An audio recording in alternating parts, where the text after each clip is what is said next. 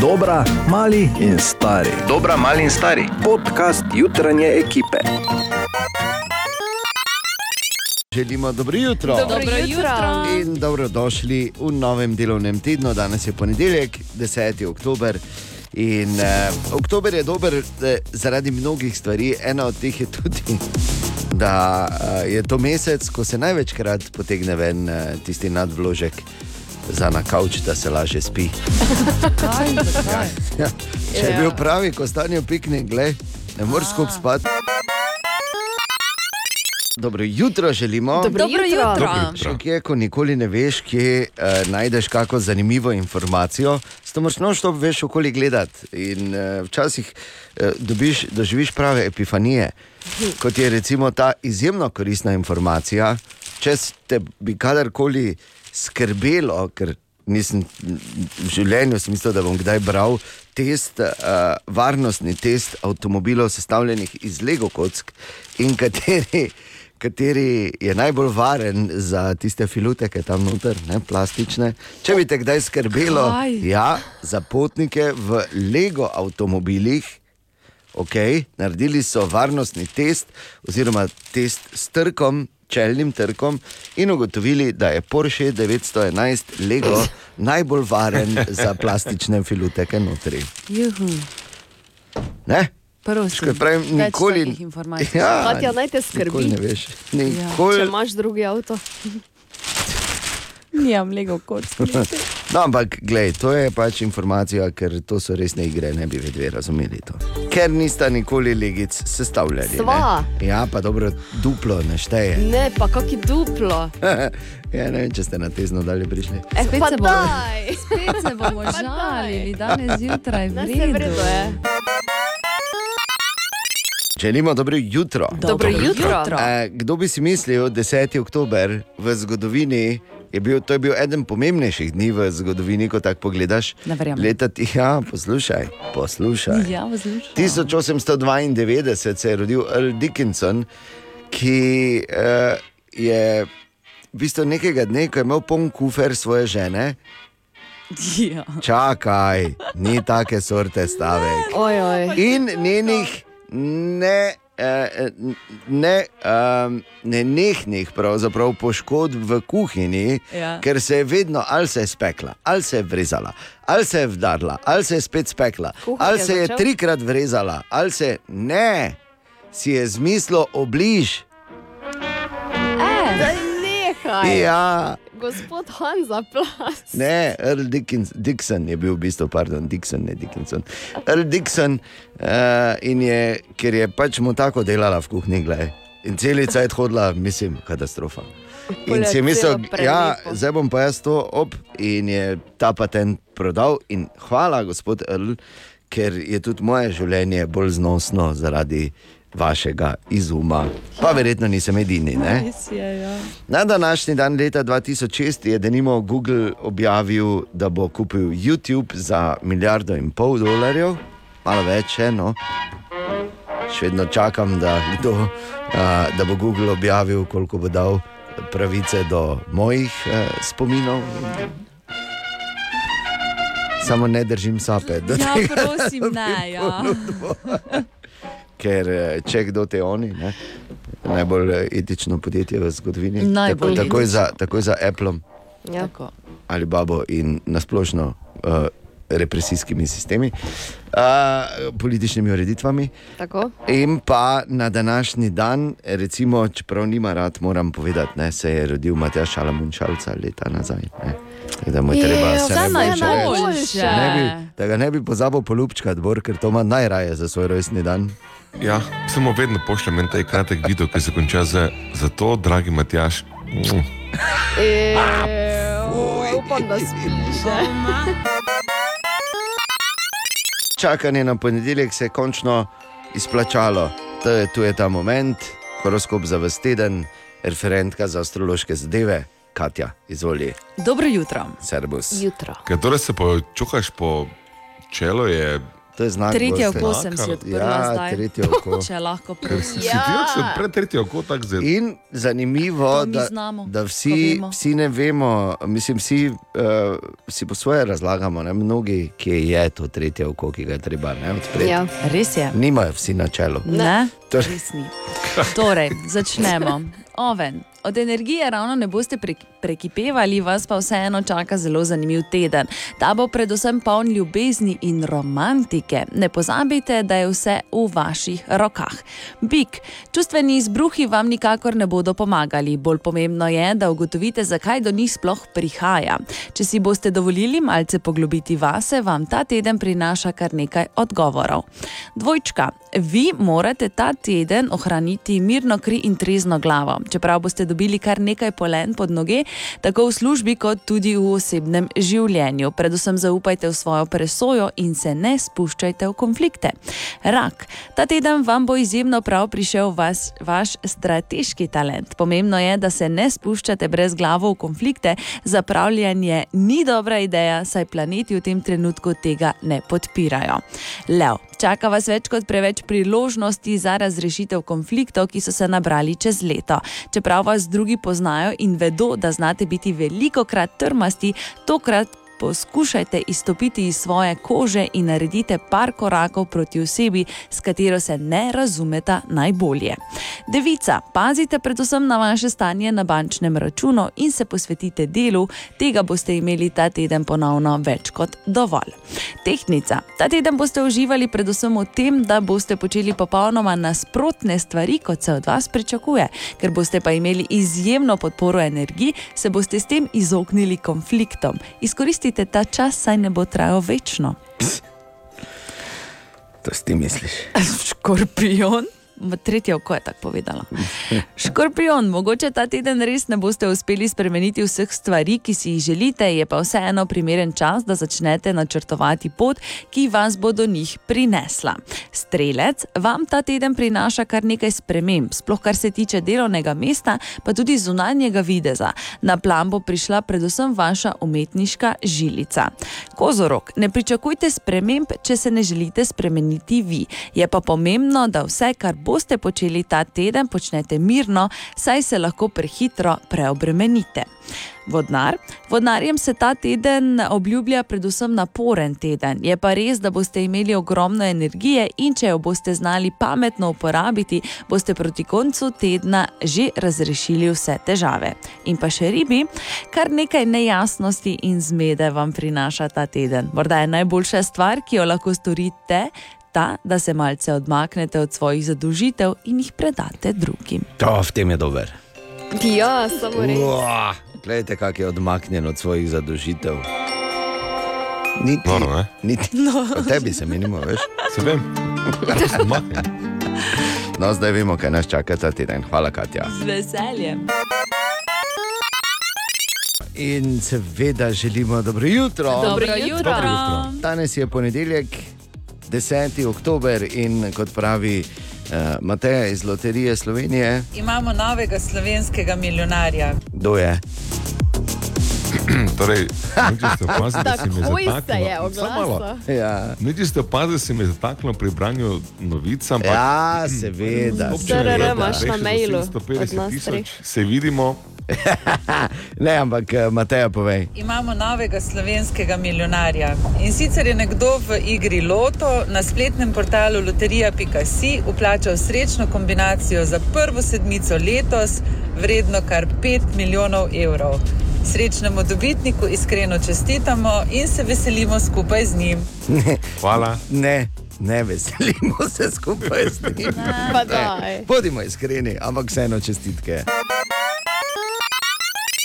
Dobro jutro. Dobro Dobro jutro. jutro. Dobro jutro. Uh, zdaj pa nekaj resnega. Samo še do 20. oktobra, torej samo še 10 dni, bo vozil, bo vozil Jurček. Kot ga poznamo, seveda, naš turistični vlakec, že leta pač, eh, ne, eh, je pobasal mlado in staro in popeljal okoli po Mariboru mimo vseh znamenitosti. Jaz moram reči, da smo ga nekajkrat uporabili Ampak uh, leta nazaj, ko sta še pubeca bila mala, te še to bilo. Ne? Zanimivo, drugače pa gledaj, ko sem videl, gor, kak, da se stari avstrici ne matrajo, ko grejo po Mariboru, jaz sem zelo vesel. Ni pa edina stvar, seveda, zaradi katere eh, je pač bil Jurček dejstvo. Ne na zadnje tudi smo takrat izbirali mi, oziroma pomagali pri izbiri imena. Eh, to se bo verjetno bolj spomnil, vedve ne, ker sta premladi. Ja, res je. Mi smo pomagali imenovati. Ja, ja, in jaz sem se takrat res zauzemal, da bi bil, da bi se. Bor? Borček. Borček. A, Ne, da bi bil Pardon. Borček, da bi vozil. Ne, da bi vsak- je to, ne? vsake- To je mesto pač gluho, ne? Za Ja, res je za te vrhunske predloge, da bi vozil Borček in da bi dejansko tu pa tam Borček eh, sedel za volanom in mi bi to snemali, ne, ko, ne, ne. sploh ko bi šel v Vinek. To je slaba ideja. Ti povem nekaj, ne, da le kako se svet obrača, dokler se ne obrne. Ne, ker zdaj ta Jurček se uknije na ta način, da mestna občina Maribor pač ne bo več dala dovoljenja, da Jurček tam parkira. Tako. Ne bo za on šel v staro železo. Ne, Ne, ne, daleč od On bo tega. vozil brško, ne, ne, jaz mislim, da je scenarij tu nekje v okoliških občinah. In glej ga zlomka, ali v Framu imate vlakec, nimate. Ne še. Ali ga ne bi tja postavili, Ja, seveda, seveda. bi. Na Kaj pa ga je mi? Da bo vozil Framček. Ne. Framček. Ali pa Dejanov Framček. Dejček. Ja, no, Dejček. no, no, ne, Dej, ko bi lahko. Ja, te absolutno imam neprimerno ime za vlakec, za razliko od marsikoga drugega tu. Ampak je pa res, da so se uh, Mariborčanke in Mariborčani navadili na Jurčka. Ne? Meni ni prav, jaz mislim, da Jurček bi moral stati. To je to. Super. Da bi bil električni. Kaj da? So že trase delali za njega, pa vse. Ja, bi tega zadržala. Lahko je še oni drugi, ampak ni, no, naj ostane. On ima dušo. Pa škoda tega. To je pa škoda, je to, ker to je bilo res nekaj posebnega. Bi morali oba te obdržati, da Ja, bi ga zakaj pa ne bi obdržali. obdržali. Na začetku, potem pa bi se videlo. Ne? bi lahko imeli. Kdo Škoda. hoče, zovem, kdo hoče zovem. Te Juri vozi ta, ob- on jo vozi drugi in konec. In bi zadovoljili vse. Ker meni je on, imam neke lepe, najlepše spomine z njim. Uh, nisem ravno pristaš novega električnega vlakca, ker ima ta stari neko svojo dušo, tudi uh, vizualno je lepši, uh, zanimiv vsem turistom, ki prihajajo v Maribor in se z njim tudi slikajo. Novi električni pa ni nič posebnega. Ja, nešto sem slišal in videl samo v novicama, ali ne slažem se s tim. Taj vlakec me spominja na moje rodno mesto, gdje ima sličan vlakec i mislim da ne bi trebalo menjati, možda ga samo trebaju malo srediti, restaurirati, to je to. Nisam za elektriku. A res, to nisem slišala, ampak uh, meni je bil všeč, sem se že peljala in uh, električni pa verjetno ekološko bolj zaradi tega. Drugače pa bi jaz z veseljem šla, še kdaj, s pikjem, mojim kužekom. videl? Je, ker na Jurčka si lahko vzel tudi pikija. Ja. In še do 20. oktobra bo samo tam parkiran. Kako se bo to vse zares razpletlo in kje boš našel Jurčka, če še bo ostal Jurček, in tako naprej, vse to uh, bomo seveda spremljali in ti pravi čas povedati. Želimo dobro jutro. Dobro jutro. Dobro jutro. Uh, naj samo povem, da ne me zdaj, prosim, ker vemo, da imamo tu neke ljubitelje hortikulture. Jaz pač ne slovim kot ne ljubitelj, ne poznavalec rož, pa kaj, ne? vsak ima svoje. In sem videl, ko sem malo listal po zanimivih naslovih, danes en video, so naredili timelapse, kako se rože dejansko v enem dnevu premikajo. Jaz to nisem vedel, sploh. Nisi No, to ne moreš verjeti. Vedel sem, da se sončnice premikajo za soncem, to sem vedel. Ne, da, da niso v nobenem delu dneva, mislim, zvečer niso isto kot zjutraj. Ampak da se vse rože migajo. Dobro to dan. veš, kak. In pol, kako mu je zabavno. ja, no, če nisi vedel, da to dejansko miga in se premika, ko narediš na timelapse, in pol se razmišljal. Pusti, ne, ne, pusti. Ne, ne, ne. Pol sem razmišljal, da dejansko bi morali mi timelapse nabora narediti in bi pol dejansko videli, da je tu neko življenje, ker videti ni, pardon. Ne. Tine! Dobro jutro, Tine. Dobro jutro. Dobro Živijo. jutro. Zdravo. Živeli. Ja. Torej, uh, ravno sva s Tinetom govorila, da naj jo seveda zanima, predvsem kaj, delamo, kaj delajo strokovnjaki v laboratoriju, kot smo slišali v novicah. Ja, in sem Pol rekel, seveda, ja, rabarate različne. Ne, Seveda. Hvala lepa, Bor. Vidite, zato je popoln kandidat. In pa, eh, ne glede na to, kakšne lepe stvari ima človek eh, planirane čez vikend, lahko vedno najde eden, ne, da ti poruši vse. Od nekdaj. Od nekdaj. Vidiče, ko je to pogosto krat ista oseba, ne. Ki je bil soboto v ljudskem vrtu, Jaz odgovoril. bi se mogoče vsem, ki so se čutili rahlo prizadete ob mojih izpadih, Ja, samo res, se ja. globoko opravičujem, ampak pač ni šlo. Ne. Ne, vedno ne gre. Vedno ne gre. Zdaj sem se kar, kar nekaj tekem sem se nazaj držal, lepa še zdaj imam slaj Vse v soboto si nadoknadil. Ne? Sam se je kriv, ne. katerega imena ne omenjamo. Ne? Ne. Okay. Torej, Tine, kaj imamo? Uh, pazi to. Pred uh, naslednjič, ko boste videli, ne vem, pingvina, ne, jo, tega, kak je luška, no, kak je to sladko, ne. Ja. Se Spomnite, da 60 milijonov let nazaj so, bili- so bili 1,60 m. To je tako jaz, če kdo nima A, ti predstave. nisi 1,60 m. Seveda sem. Zdaj se ga rešila, ker sem hotel reči tako, da je.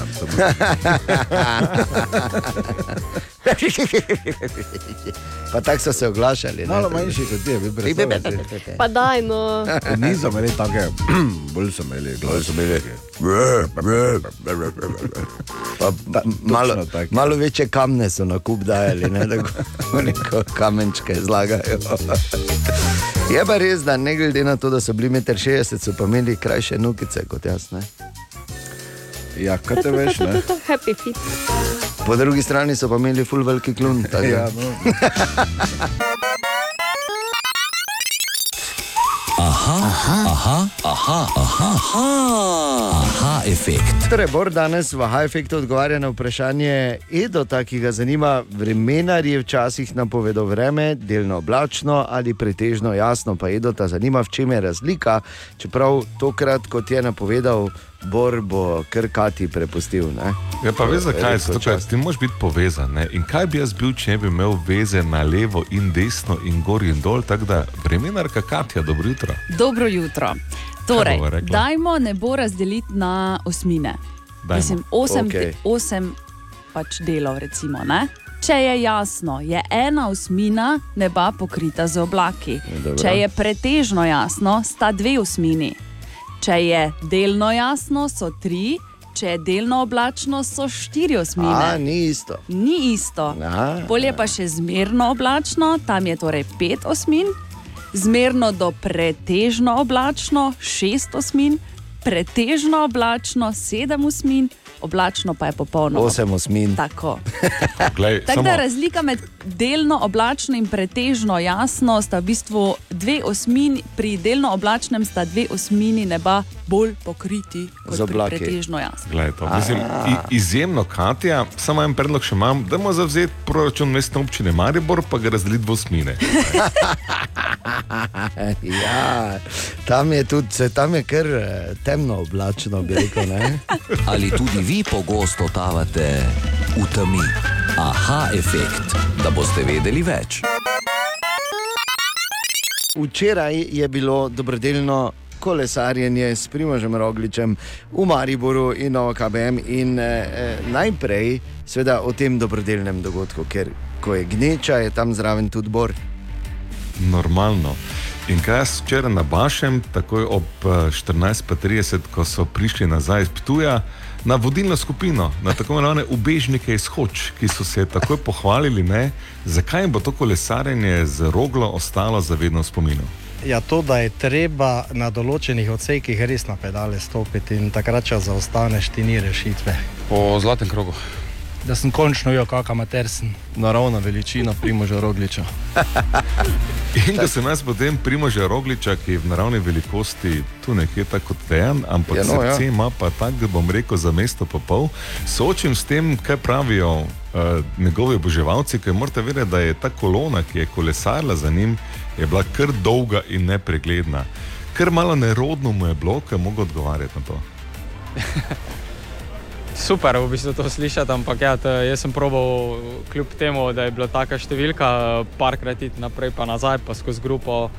Uh, kako bi rekel, saj vsak mu da priložnost, da kako besedo z mano spregovori, ker ja, res nisem uh, konc koncev veliko eh, v Sloveniji, pa dostopen.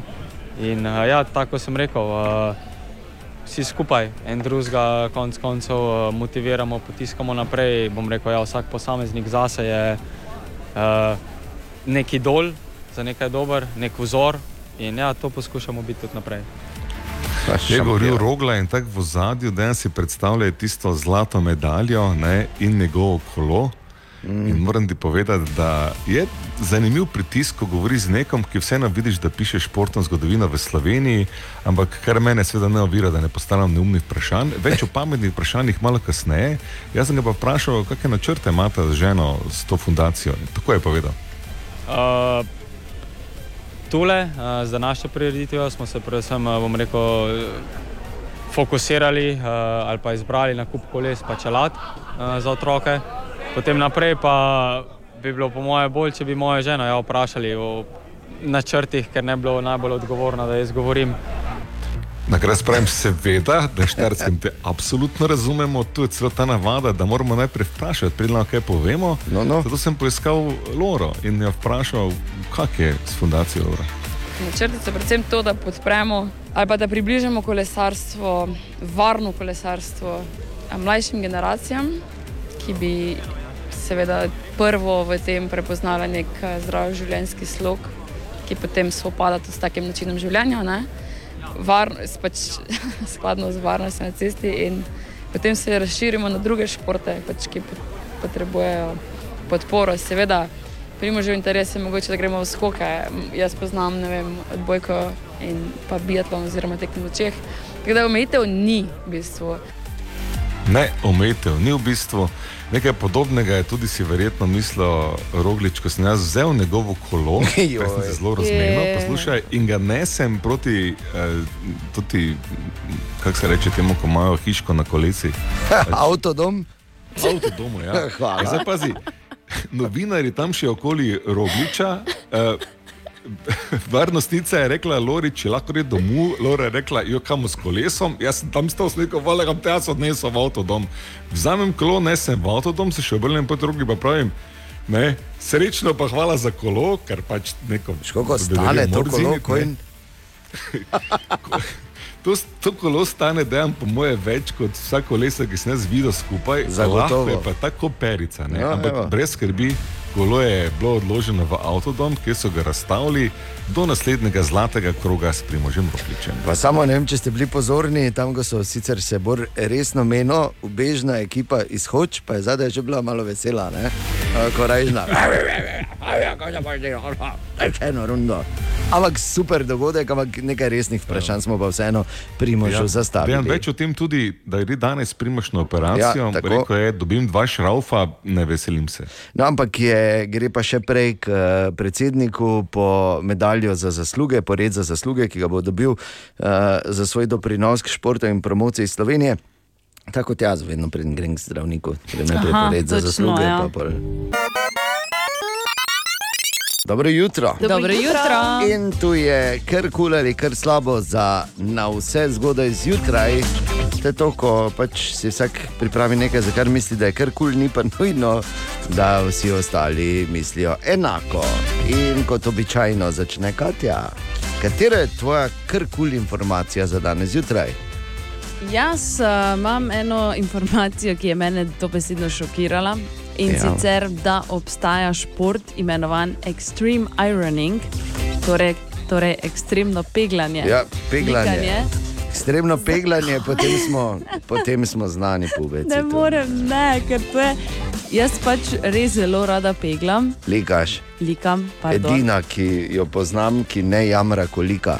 Svetovno je, ker te v bistvu ful sprošča, tako da ne vem, zakaj ljudje tega nočejo delati. Plus tega, da zdaj po zimi, recimo, te je toplo, greš stran od pege, Ja. pa je fajn. Ne? Bi In- samo rekel, da eh, jaz tega ne delam iz varnostnih razlogov. Aha, Ne, ker sem enkrat skoraj rabo plastično operacijo, ko sem poskušal, potem tako sem se popekel. eh, ampak ja, ekstremno likanje je dejansko, to pa poznam, veš, šport, ki je že več kot 20 leti. In povsod peglajo pod vodo, Ja, če so Med skočili skokom s padalom, recimo, pa na nekih vrhovih eh, gora in Ja. sploh ne vem, Kako je to možno? Ja, glej, karkoli- pegla te to je? Karkoli te naredi, je pri, prirejena, bom rekel. ne. Karkoli ti naredi likanje zanimivo in da je na koncu lepo not zloženo ja. v omari. En se zdi kar kul. Hvala, Kar kul. hvala. Na tezno ste kaj ekstremno likali, vi kdaj? Jaz res ne rada likam. No, evo. Jaz to javno priznam. Vidiš, to je pa, pop, mislim, to je, to je pa normalen odgovor na, na likanje. Kar kul dejstvo ja. za danes zjutraj, Ana. Jaz imam na začetku kar kul, ki ga lahko spremenim potem v kar slabo. Skratka, slovaško podjetje je dalo na testiranje uh, to, da bi avtomobili imeli zavorno luč uh, torej spredaj, da pešec vidi, ko ti pelješ proti njemu, če avto zavira. Tudi spredaj, po mojem mnenju, ne samo spredaj. seveda, okej. tudi spredaj. To je kar kul, ne. In če spremenim v kar slabo luč, ne bi bila zelene barve. Ojoj. Oboje. ja. Je dobro, no. Mislim, uh, zelena se sicer ne. Uh, je pa v bistvu je, je ne, ker ko zabremzaš, pa da on vidi zeleno in pomeni, da lahko grem. Samo problem je, ko to bremzo oziroma zeleno luč uh, kontrolira človek. Ne. Ja. Lahko je zelena, pa pa tudi hitro vgasne. Ja, hm. ja. Tako da v vsakem primeru uh, uh, fino in slabo, Ana, dobro si napovedala. Ja. Jaz pa imam eno o možganski megli. Poznamo možgansko meglo? Ono, ko se ne Vsakodnevno. moreš spomniti stvari. Ja, ko, je, ko imaš ono vuf temo naenkrat, oziroma ko je tako, da bi te stoplo odejico iz flanele. Mm -hmm. Nekdo pokril čez, čez možgane. A, in če se ti to dogaja na delovnem mestu, je en preprost način, kako se tega rešiš. Pravijo, če kaj. Odpovedaš? Ne. To je tako imenovana permanentna rešitev. Aha, ne. okej. Če daš odpoved. Ne, fora je, da če sediš, da se moraš usesti vzravnano in eh, take rame, eh, mal, oziroma lopatice, malo tako skupaj potegniti, rame vzravnati, lepo narediti, dobro, uh, dobro sedaljno uh, pozo, ne, z koliko toliko ravno hrbtenico. 30 odstotkov bolj jasno začneš razmišljati v minuti in svojo produktivnost dvigneš za 55 odstotkov. Samo s tem. Jaz zdaj samo vidim, kam ta megla gre. Ne? Po hrbtenici dol. Ja, mene, se še, mene še vedno sicer eh, zabava vprašanje, odkot ta megla pride. Ja. Ampak dobro. Bi rekel, da je kar kul. Kar kul, kar kul. Kar kul. Tako da, če ne moreš misliti, rame nazaj, pa veliko sreče. Želimo dobro jutro. Dobro jutro. In med zani, to zdaj niti ni toliko zanimiv naslov, koliko sem uh, pač uh, začel brati ta, eh, to pri, oziroma pritoževanje o proti- pritoževanju. pravzaprav. Uh, namreč, da sta dve prijateljici, ali kaj sta bili šli jesti k Ani Rož uh Mhm. -huh. in plačali 688 evrov, uh Mhm. -huh. in se zdaj pritožujeta. Ja, mislim. Ja. Halo? Ja. Se pa, se pa si nisi šel, oziroma niste šli po sendvič na petrol. Ja. Halo? Mislim, ena dobra rešitev je vedno, mislim, dve, dve e, za take primere. Prva, ne hoditi, ja, če nimaš, in druga, da drži. Še enkrat dobro jutro. Dobro jutro. Dobro Eh, jutro. Danes je 11. oktober, še mesec dni, pa bomo, upam, da ne, spet na trgu, pa bomo spet slišali razno razne klike pod pa, ha, ha, pa. Ki si joža, kaj dal za liter ali seš posral in pač podobne. Ne? Ampak uh, zakaj v bistvu danes to govorimo jasno? En, en mesec do Štajerskega novega leta je, kar je seveda dejstvo. Je pa dejstvo, da že leta zaradi pač uh, omejitev, uh, zaradi pandemije korone, ni bila v akciji tudi naša Martinova patrulja. Oziroma, kot jo Bor imenuje, patrola, včasih tudi patrulja. Mi še zdaj ne pač, vemo. eh, Zakaj naliva? Zbirali nekdo smo mo- zadaj? moči in zdaj bomo krenili. Ja, in uh, zato, da ne bi mislili, da je to, uh, to je seveda čist ena taka resna zgodba, eh, ta Martinova patrulja, ja, ki pa redko kdaj naredi kaj koristnega, razen zase. Tu je, Koristnega, ne? tu je enih par čist se brez veze, da govorimo, imamo vse posneto, izseki iz enih par bivših Martinovih patrulj. E, Jaz pa za pit bi imel nekaj. Imamo kaj? Zapit, ja, imam zapit, samo zaprto vse. Zdaj Ne, se ni problema, sem jaz odprto. Sej... Jaz imam dva kozarca, drugače steklena, čeprav jih ne smemo imeti, ampak vedno imam za neke Ja, posebne glej, goste. jaz bom, da- da. jaz bom stisnil zobe. Jaz bom stisnil. Aha, e, Aha, te- tonska, to tonska, pomeni, to- da pa ja, e, stekleni kozarec. Okay. jaz pa zdaj samo malo. Kako to misliš? Alo, e, e, samo malo. Čigavi so tudi kartoni Anželca? Radgonske gorice. Radgonske gorice, kaj mi že bi oni v Radgonskih goricah eh, pogrešali en karton, če bi magično zmanjkal? Kakšne špice lahko dobite? To smisla, ja, hvala. E, prekinjamo. Ti ne? Torej je bil pri vas, zdaj pa ste ga morda videli, v katero smer je šel? Saj tu nekje na trgu ga boste našli. Našla, ja, Pa super. mogoče, če pri nas počakate, bo prišel nazaj. Dobro jutro, gospa, ste že kaj spili danes? Ne. Ne, evo, tu imamo. Ne? Uh, čisto za pravne potrebe bi rekel, da seveda to je radijska igra in flash ne bomo spoh odprli. Imaš še pirač? Uh, torej, dejan Martinova patrulja je danes uh, samo kam Patrolja. Patrola. Kaj se mi patrola, patrulja? Jaz ne bi zašla tja. Ne, ne, tja. Pred, če pa vemo, da ni, zakaj bi hodili nekam, zdaj- povemo, da ni. Ne, tja ne Samo gremo. malo nisem te vprašal, jaz ne Ne, rekel. ne, ne, kam jaz davam Kdo je- predloge, ma- kdo je rekel, kdo da- ima god tu? Te pa ti povej, kam gremo, noči mi je ne vrma. Je tu Ne, bomo tja pa ne gremo, ne, tu bomo. Ne, te pa ne gremo. Kako bom rekel, I rest my case, rečejo v volnih serijah. Ne? Ampak eh, Martinova patrulja bo imela letos, upam, da po letih premora spet priložnost, da se izkaže. Običajno je to na Martinovo zgodaj zjutraj, da grejo preveriti, če že je. Ne? Kaj bi mi malo člane menjali, te Včasih- patrulje? Patrule. Pa veš, pa Ja, absolutno kaj? ne moreš biti zraven, ker niti ne znaš reči, tako isto si kot bor. Fertik. Mesec dni do Martinovega je. Ena od treh, treh. Jutranji sprehod po zgodovini popularne glasbe. A, in kot eh, se recimo reče včasih v našem mestu, ali pa je morda že kdo kdaj slišal tukaj, ko je bil na obisku, ko so se pogovarjali, veš, in o običajno malo starejši gospodje, pa, pa, pa potem kdo reče, "Ha, malo se vrneš, pa se ljudi že 76. 76. Točno to tako. Malo se- Točno to. Malo, malo se pa, pa ljudi 76, ja, malo. Torej, uh, 76. rojstni dan danes praznuje Daryl Hall iz uh, Dua Notes, oziroma kot uh, so to v bistvu skrajšali radijski kolegi v, v Združenih državah Amerike. Njuno polno ime, tudi benda oziroma njunega dojeta je Daryl Hall in John Oates. Torej, ime mm. in primek, ne samo priimka, tako da. Uh, Hole Notes, zagotovo duet, ki je zaznamoval 70. in predvsem 80. Uh, in uh, kar je zanimivo, jaz sem vedno mislil, vedno sem mislil, dokler ni prišel MTV, ko smo to poslušali, sem mislil, da sta to temna polta pevca, ne? Terrell Hall in John Oates. Ja.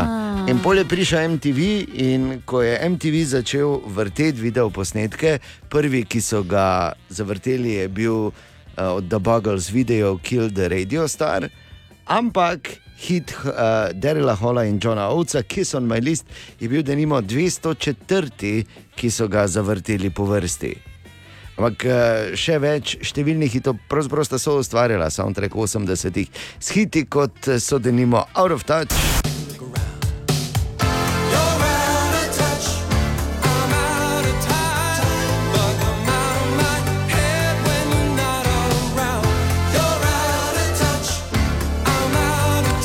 Ali pa denimo You Make My Dreams.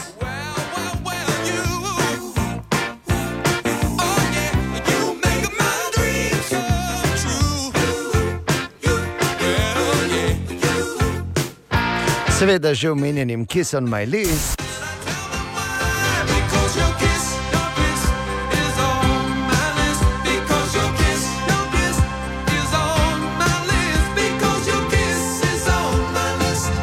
In pa seveda z eh, hitom, ki govori o morda urbani legendi, morda pa o resničnem bitju, ali pa vsaj o stanju, v katerem se uh, kaka znajde, ne? ko postane moško žerka. Meniter, Daryl Hall in John Oates. Vse najboljše Daryl Hallu za 76, kot danes. Še enkrat želimo dobro jutro. Dobro jutro. E, In zdaj prihajajo vsebine, ki bi, ki bi jim lahko rekli vsebine iz eh, področja vrta, kjer sicer se stvari počasi zaključujejo, vegetacija se zaključuje, vrt bo počival do naslednjega leta, ko ga bodo ponovno začeli obdelovati, pridne roke. In pa to je ena pot, druga pot, pa bi lahko rekli, oziroma drugi vsebinski sklop pa je, zakaj so vse gate. Kaj? Vem, ja, vse vem, vse vem. Vse vem. Kako si ti z vrta na gate prišel v enem skoku? Zato, ker si ne moreš misliti, da sta lahko ti dve stvari tudi povezani. Res je. In zakaj se ti zdaj strinjaš, bolj preden Ja, zato, ker je seveda Ja, zato, tako. ker si že predstavljam. Ne? Ne, tako je videl zgodbo. Iz tiste stare ljudske pe pesnitve, veš, odvrgla je gate na vrtu mojem. Ne, ne poznam te Pa tudi pesnice. drugače še reče, vrgla je pozna? gate in me peljala na vrt. Tako, uh, dobesedno in metaforično. Ampak pazi, ne vem, če ste vsi skupaj vedeli, da so gate, kakšna beseda, spodnice, lahko uporabne tudi na vrtu.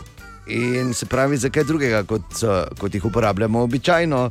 Tanja Klajnščak je malo raziskala tematiko. Torej, Tanja, povej. In to za nekaj, na kar zagotovo niste pomislili. Spodnjice lahko pokažejo, kakšno imate zemljo na vrtu. S pomočjo spodnjih hlač lahko preverimo, ali je zemlja na vrtu hranljiva in rodovitna. Ja, prav ste slišali in ne, ni šala. Švicarski znanstveniki so v eni izmed bizarnih študij ugotovili, da bombažne spodnjice gnijajo za 23 odstotkov počasneje na kmetijskih zemljiščih, kot pa na domačem vrtu. Hitrejše gnitje pomeni, da je zemlja bolj rodovitna in je v njem več hranil. Znanstveniki ugotavljajo, da so domači vrtovi bolje pognojeni oziroma vsebujejo več hranil. Da so prišli do te ugotovitve, so zakopali 2000 spodnjih hlač iz 100-odstotnega bombaža. Tako da, če želite preveriti rodovitnost vaše prsti na vrtu, poskusite. Je pa res, da bi verjetno delovalo tudi s katero koli drugo tkanino, ki je narejena iz 100-odstotnega bombaža. Ja, samo gate se boljše čujejo. Seveda. Pa če mi sosed ne bi ven kopal. Ja, veš kaj, moraš diskretno zakopati, ne? Tako. Ker imaš take, veš, ko boš šli zadaj, pa hopala, uf. Ali pa bo krt ven potisnil. ne. In nikoli ne veš, koliko je to vredno. Sploh pa se veš tudi, recimo, če bi vedve zakopali, se verjetno ne bi toliko poznalo. Moje vem potegno bi pa lahko imel tudi priložnostni šotor, recimo, ne? 12 minut, če sedmo. Evo, pa smo se naučili nekaj novega. Te naslov sem prebral, pa bom rabo malo inštrukcij ali pa nekaj informacij. Mislim, Mhm. da boste tu, Katja in Ana, pravi naslov. Namreč ta naslov pravi, po mnenju modnih, če še enkrat rečem naslov. Se bom Naslov. zla, ne, če jaz še enkrat, tak, eh, brez veze. Pazi, po mnenju modnih strokovnjakov bodo ženske to jesen pajkice zamenjale za vrečaste športne hlače iz 80-ih. Ker to, so, to niso MC Hammerce, tiste, ne? Veš, ko smo imeli, ko smo plesali kot MC Hammer. Can't touch this. Po mojem so, ali kaj? Res so bolj turške hlače, ko so hlamudrače Ja. pod spodnji Si lahko Hlamudrače. dosti še noter daš med nogami. V bistvu so to, one, je to ona šuškava trenirka, ko, ima, ful prevelika, pa ima ful žepo. Ta Ja. MC Hammerce so pa. Kasneje prišle. Ja, pa tu pri nogah so one Spuščene, ne? nižje, ja, to tako. To. To da, Imaš da, prostor, da ti nisi razumel, je Ani nekaj. Prostojajčne hlače so v bistvu. Ne? Kaj daš dosti med noge? Ja, dosti prostora je, da si tam kaj shraniš. Okay, se pravi, tako ko je nosoborto Sergio Takini iz, iz tržnice, trenerko. Niso aladinke. zdaj to? Sem malo- Ni, nego, zdaj, zdaj sem že jaz meden. Niso to Nekaj- iste niso, hlače. okej. Ne, niso. Ne. Lahko se nekaj vprašam, ker je kar pomembno, te, ko bodo moderne, niso iste. Tako. Okay. Okay. Živel sem v zmoti verjetno zadnjih 600 let, kaj Sergio Takin je. Ja, kaj ti si tačini tržnici govoril? si tačini govorili. Ja, Fajn je iti odprtih oči skozi naše mesto, ful zanimive stvari vidiš, ali pa ne navadne, kot to dela Jaša Lorenčič. Jaša, dobro jutro. Zdravo. Servus. Najprej samo toliko, da vas preventivno spomnim. Še točno en mesec pa srečnega, pa zdravega. Martinovo. se spodobi začeti odštevati, ne? ker je ipak zadnje dvakrat odpadlo in smo bili že fez živčni in delali tisto, kar pravi znucani štos. Češ, kaj dela Štajerc, ko je živčen, je kaj. Grozdje je. Ne vem, kak ste vi bili, samo jaz sem bil sploh ono prvo koronsko leto, ko je Martinovo prvič odpadlo, ekstra vesel, da je nekdo 11. novembra 2019 naročil še dve rundi, ko je že itak prek teklo. In to ravno, ko je elektriko vun zabrisalo. Vse to se še spomnimo, ne? V Mariboru smo bili očitno vsaj enkrat spredaj. Mi smo si že Martinovo skrajšali, še preden so prišli ukrepi. A ja, pa ker je opcija, da tole poslušate v avtu, pa da ne boste štrcali koledarja po telefonu, ja, res je, kaj ste čuli. Martinovo letos pade na petek. na petek. Sicer pa tedni v mestu, ja, jesen je, sploh zdaj oktobra, nasploh cajt, ko se toliko dogaja. Cajt, ko se toliko dogaja, da smo vsi nekako malo bolj v gužvi in še za šankom je tak tedni. Prije zadnjič tip pa reče malo bolj zamomlasto, da bi imel kavo za maser. Pa ga kelner slabo čuje in mu da skuhano kavo in reče: Evo ti na za maserja, pa ga gozija. Jaz nisem ne maser, ne maserka, mi pa ti za živce masiraš. Neosmiljen jesenski tempo pa ponudi recimo tudi zanikanje kakršnega koli jamranja. Če vas face boli noga, recimo, ne tega na glas povedati, tedni ne. Zakaj? Ker boste čuli, kaj mi te to razlagaš, se pa te nas noge vum piješ, ne? Mogoče pa je dobro, da se začnemo šparati za Martinovo, da bomo noč spravili. Ja, samo Maribor. Absolutno. O, Tine! Tine, dobro jutro. Dobro jutro. Pozdravljen. Zdravo, Dobro Tine. jutro. Pozdravljen, Jutro. Tine. Zdravo. Torej, uh, Tine, naj samo vprašam, ali bo tokrat, ker vemo, da, da si ti absolutni uh, predsednik, predsednik vseh komisij na radiju, prav tako pa tudi idejni uh, oče in vodja Martinove patrulje. Danes zjutraj smo se malo spomnili. Sem slišal, sem poslušal. In kakšni so? Uh, Ana, članov se ne menjava. Pa lahko bi me zraven, Lah, če vsaj. lahko do konca. Pa. Okay. lahko pride kakšen zraven, samo je sprejemni spit, ker zahteven. Tako da, zdaj, če si pripravljena na sprejemni spit, Ja, ne samo vem, kaj mislim, je, da ne. ni, ja, ne, nisi pripravljena. Je pa daj, Zatrl me, je kali. Ja, no. Ja, glej, samo tako mi je rekel, dva litra vina, več pa ne.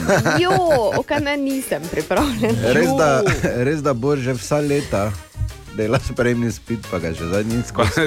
Ni tako lahko, kot bi si Ja. mislil. veš, Ni Kumulativno ne gre, bor, ne, da bi zdaj rekel, Ja, da se letih števa, pa sem. Vem, vem, vem. Glej, Vsako letos mi leto. bo baratala.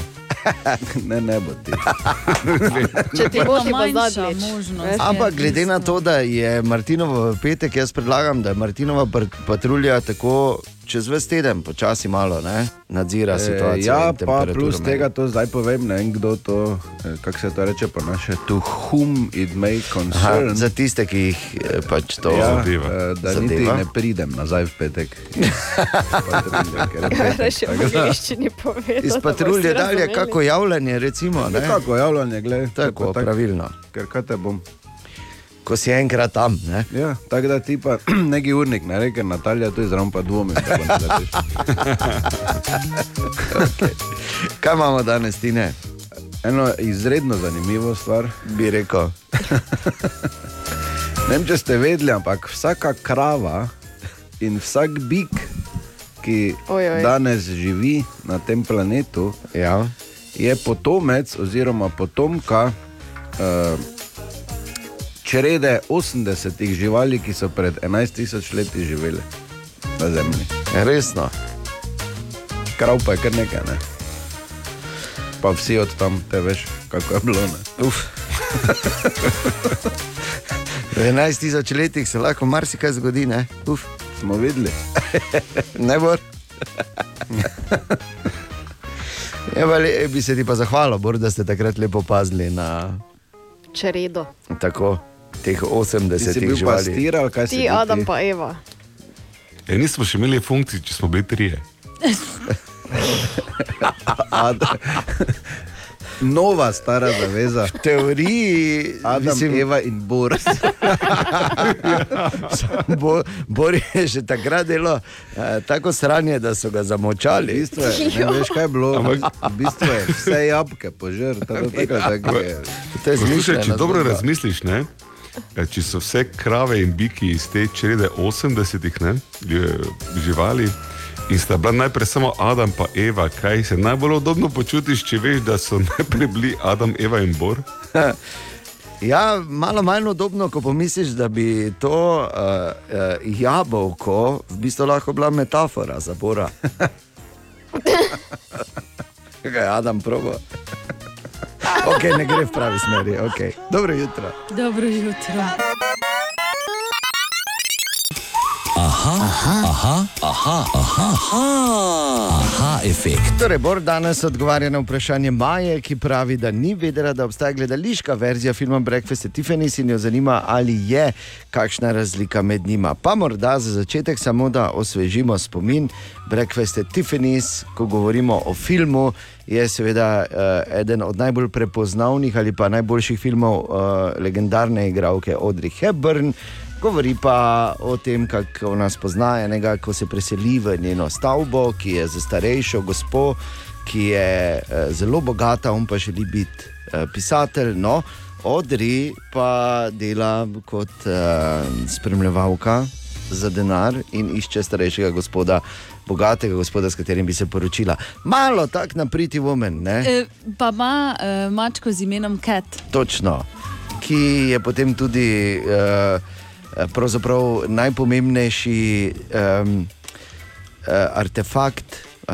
Artefakt ni živo bitje. Torej, uh, pardon, najpomembnejša igralka na nek način, ja. s, s pomočjo katere se vse razplete in se ona dva poljubita, in je ona lahko z njim, ko končno spozna. Da. Če bi hodil še za ples, bi rekel pivotalna točka, čeprav je žival. Ja. Veš kaj? Dobro sta povedala vse z eno samo pripombo. Breakfast at Tiffany's je tudi knjiga, je napisal Truman Capote leta 1958. In Ja. zdaj ti čudoviti preprosti časi, ko so filme še snemali, tako je bila knjiga napisana. Mm. Ne. Že tukaj niso tega tako naredili, ker um, velika razlika je v filmu, Holi in pisatelj prijeta skupaj na koncu, ne, v knjigi pa ne. Ja, seveda, da Pisatelj ne. nikoli več ne vidi. In seveda zdaj gledališka igra um, odpira mnoge interpretacije originalnega dela in lahko zdaj gre ali po filmski ali pa po knjižni predlogi, odvisno od režiserja. A, ok, tako da. Ja. nič ni določeno in ni zdaj vse isto. Ne, seveda, to je ob, običajno odprto, se pravi, dan danes ne. Spomnimo se samo enega drugega filma, kjer je Brad Pitt igral, pa so mrtvo hladno Hitlerja ubili, pa je bilo vse v redu. Ampak to je normalno pri Quentinu Tarantino, da, si, da pač je. ponudi alternativne, uh, alternativne eh, rešitve zgodovinskih problemov. ne?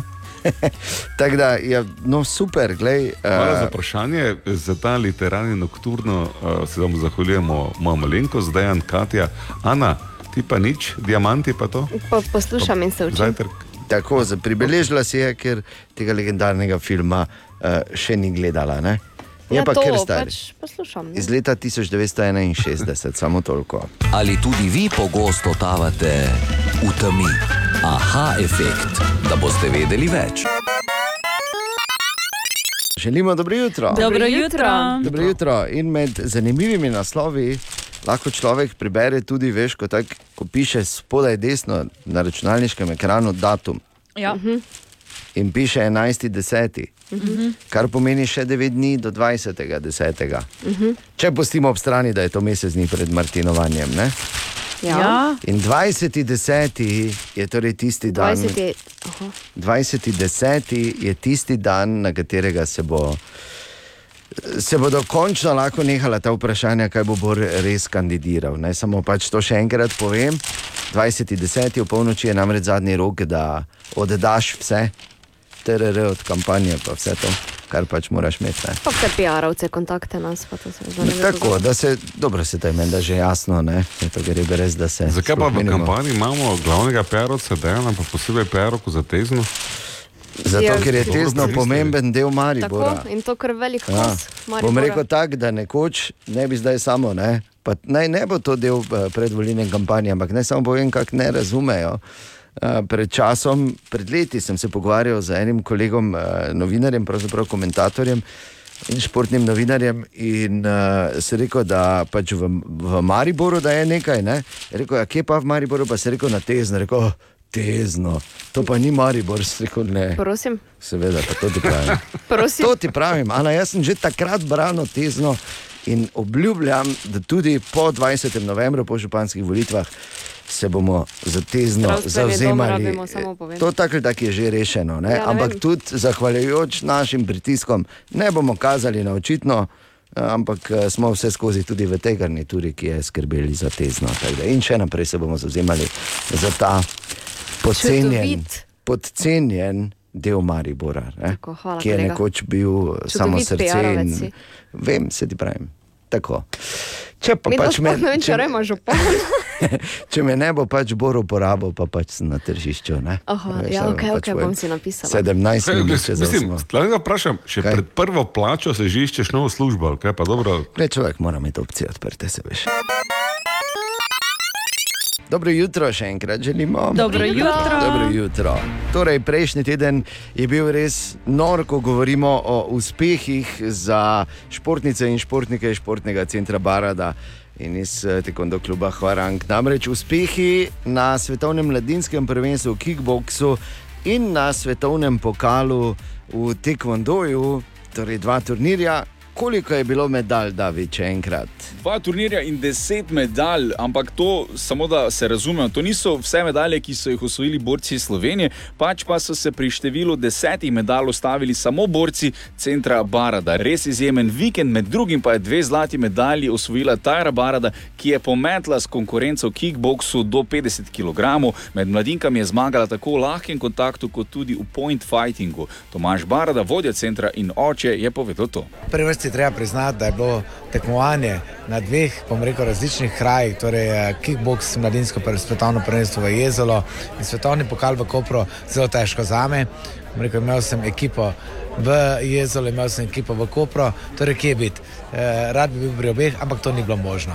Lahko rečem, da sem ponosen na ekipo, da so bili sposobni to tekmovanje oddelati. Ne 100% z mano, oziroma z Alešem, ki je tudi trener, ampak so delali, kot da smo tam z njimi skupaj. Na tem turnirju pa sta bron osvojili tudi Nina Korošec in Klara Sprinčnik ter Bjan Nabrnik, ki je osvojil prav tako bron.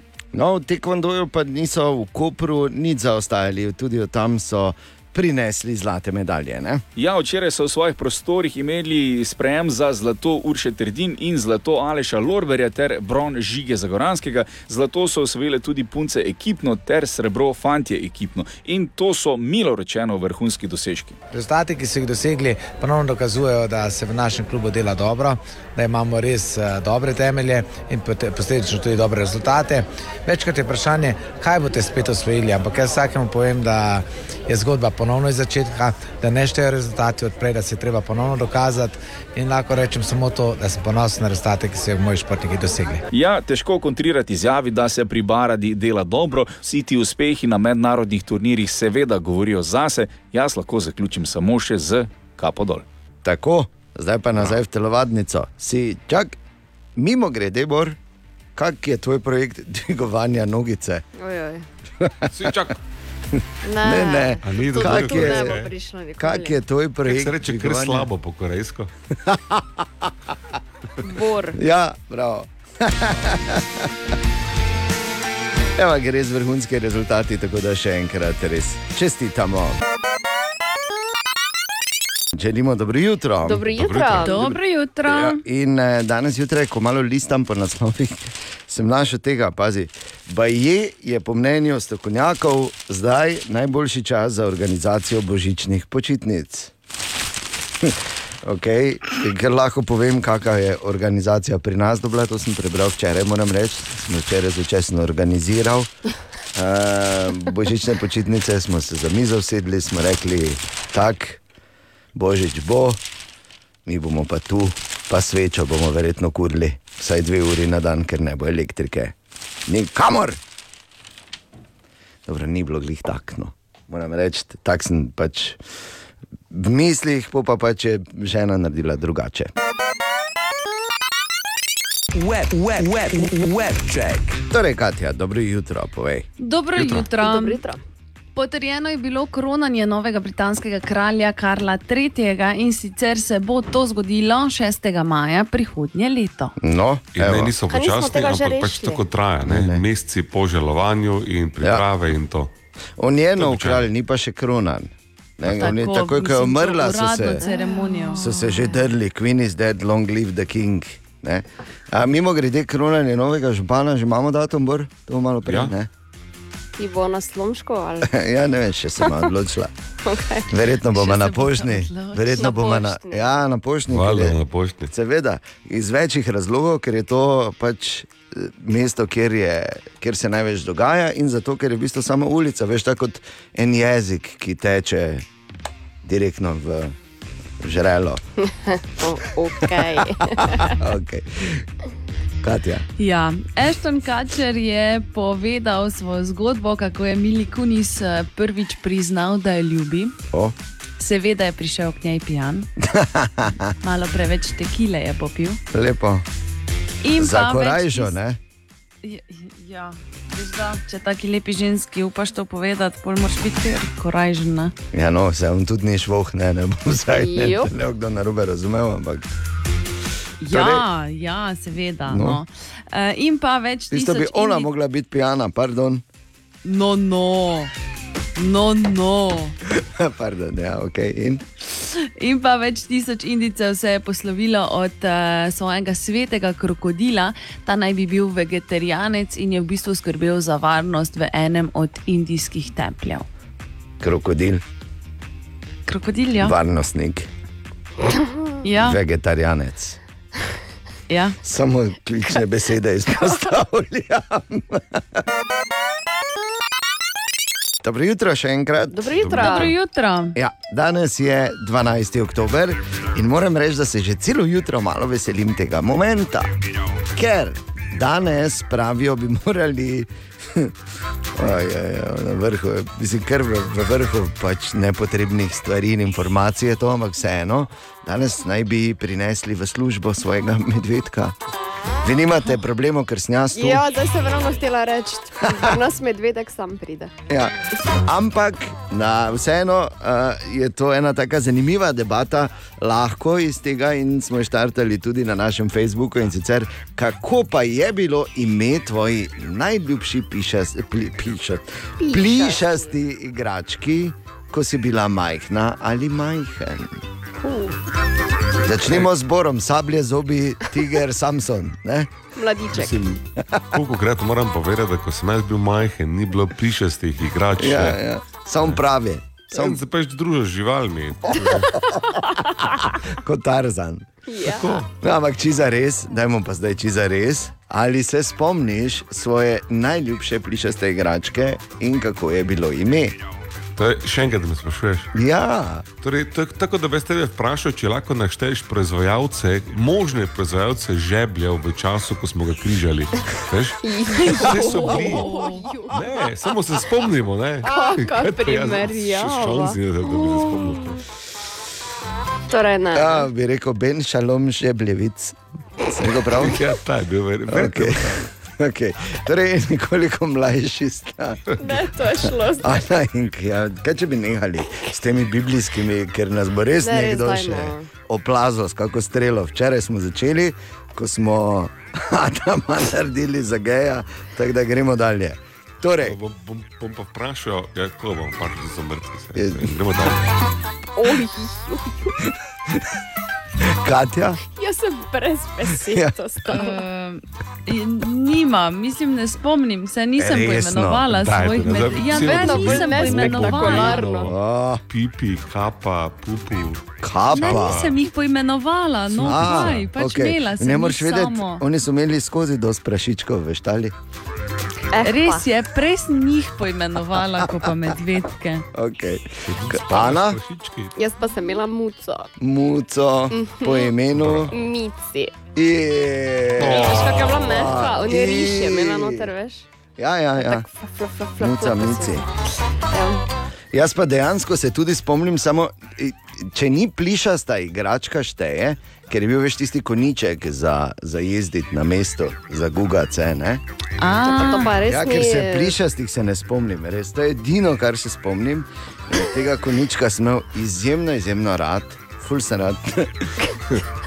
Sedel na njem, ne? ja, glej, jaz sem pač bil, ne, takrat sem imel pač druge aspiracije. Pač po se zazibal prostranih savanah in kavbojci in tako dalje. Lahko ne. previdno vprašam, če je bil to samorok ali koniček. Ne, ne, koniček, koniček, taki rjavi je bil, anatomsko, anatomsko zelo pravilen in ime mu je bilo Brano.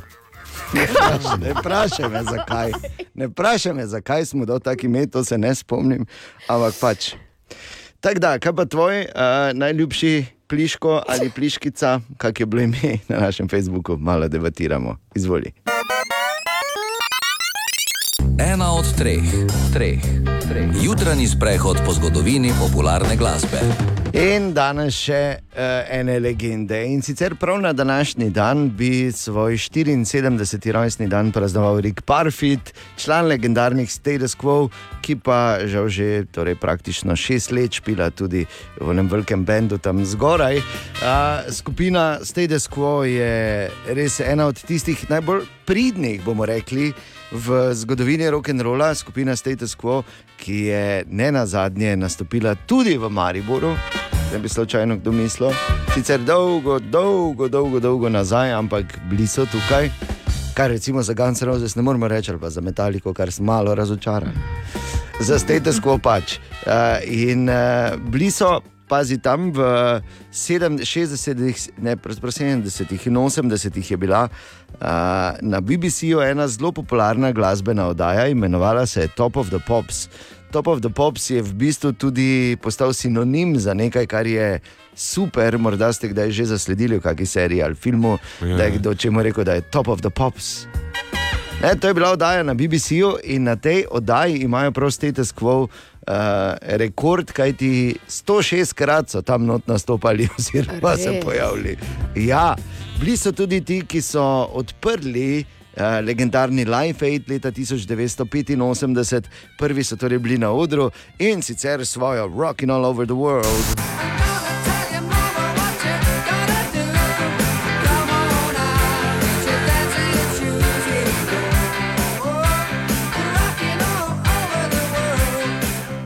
Ocenjujejo, da so status quo v svoji 48-letni zgodovini odigrali več kot 6000, to je zdaj pridemo do tega, zakaj je to ena od najbolj pridnih skupin v zgodovini rock'n'rolla in popularne glasbe. Več kot 6000 nastopov živo pred občinstvom, ki skupno presega 25 milijonov ljudi. Pri tem je skupina prepotovala več kot uh, 7 milijonov kilometrov in 23 let od teh 48 preživela v stran od doma. A? To pa so številke.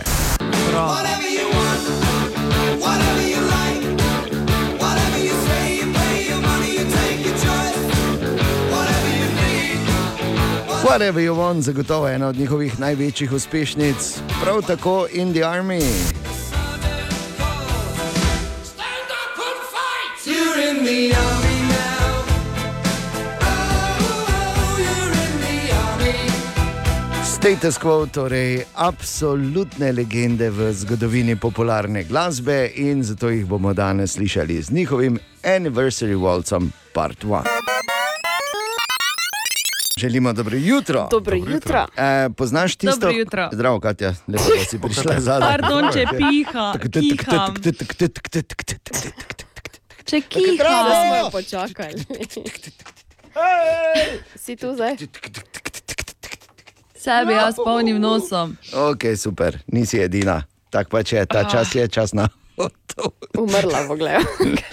Ok, čakaj, hotel sem nekaj drugega povedati. Hotel sem reči, da kaj pa to, ko recimo nekaj zveš ali pa imaš nekaj zapovedati, pa misliš, da je full vredo, pa vsem prijateljem mogoče ni.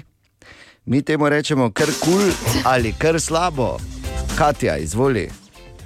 Ja. Živela je mačka na Aljaski, ki je bila 20 let Ja. 20 let županja enega kraja. Wow. Če lahko mačka na Aljaski, ne, so si mnogi rekli. Ja. ja. Lepo, kar kul bi jaz rekel, kar kul. Bor. Jaz sem krajšo zgodbo, ne, ki se začne svoje tako. Najprej smo mislili, da imamo korono, pa imamo samo angino, tako da je vredno. Pri eh, nabavki za družino sem vzel imunal, včasih so bili praški, zdaj so pa tablete za žvečiti. Tudi, To, ja. kar je najboljše, ne, da tableta za žvečiti je v bistvu samo navadna tableta, ko vgrizneš ti razpade v ustih. Jaz sem tako razočaran nad tem izdelkom, ne, ni Vse gumi, To ima v usta, pa se Ja. je dalo žvečiti kot uh, neki čigumi. Ja, ali pa vse haribo, ne? A pa vse haribo, nekaj, Ja, ja, ne, ja, ti to ja. pregrizneš, pa pade na razen, tako navadne tablete. To Zdaj, kar slabo. Zelo slabo. Kar slabo, Kaki moram problemi. reči. Ja, pa ne, to je res slabo. Jaz tudi to sovražim. Tako sem iskreno zasovražal vitergin bombone vojski, Zakaj? ker jih prej nisem jedel, pol pa je ravno iz tega razloga, ker so moka. Veš, da so še zdaj v malo, noter. SDO-ju. Ja. razlika je, da pri vitergin bombonu ti noben ne reče, da je bombon za žvečenje. Ja. In Tako sva na lastno odgovornost ga bližnjiš, Ja. razpade in je Ja, mokast. je. Ampak če ne reče tablete imunske za žvečenje, ne, ja. potem pričakujem, da imaš tako to vse malo kuči gumi, malo. Ja, ne, ne. Ne, Bor, nič več ne govori slabo, res slabo, katastrofa. Ana, Ko poješ nutelo do konca iz lončka, vedno malo noter ostane. Ne? Da. Se Pravi, ne moreš vsega vedno ven dobiti. nikoli. Jaz vem, kako lahko. Noter nabašeš. Ja, ti dve- imaš res dolgi jezik. Ne. To tudi, ja. Noter nabašeš dve kepici sladoleda.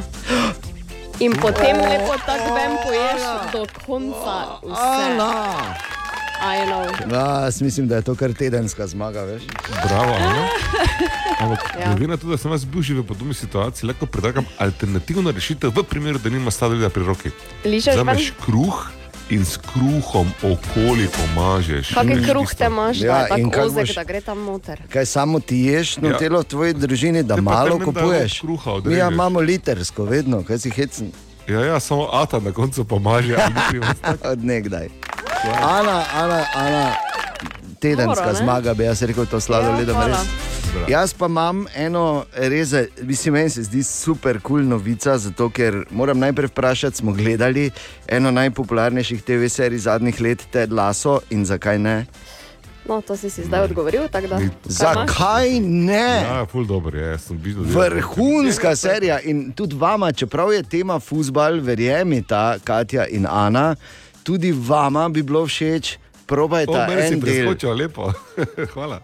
Okay. Te sta pa sploh ne menim več, ker je katastrofa. Mi dva smo se pa o tej seriji stokrat že pogovarjali in bi jo moral gledati. Priporočam. Okay, skratka, v seriji Ted Lasso imajo med drugim eno imaginarno družbeno omrežje za zmenke, imenovano Benter, BANTR. In zdaj Benter prihaja v realno življenje.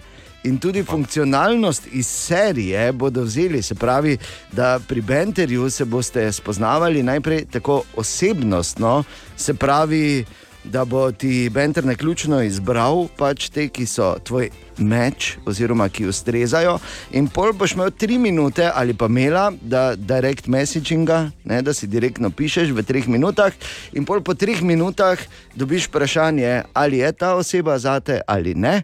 In če rečeš da, in če on reče da, ali ona, kakorkoli že, šele potem se lahko povežeta tudi na drugih nivojih.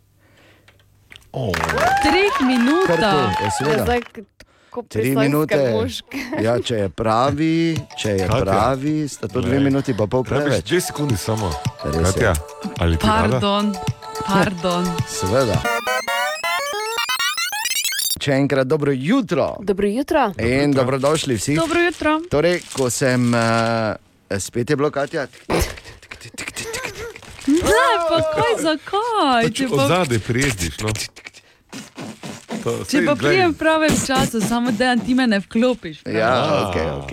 Torej, prebral tako sem. krivda. Ja, tvoja je, ne? tako. Tak, hops. Krivda tvoja. Ja, Krivda tako, moja, v bistvu tvoja je. Krivda La- moja, tvoja v bistvu je. Če No. on rabi novi komat. Ja, dejansko bi lahko bila krivda moja, v bistvu tvoja je. To je to. Ja, ja. Ljubezen moja, ne. naj zdaj žerete.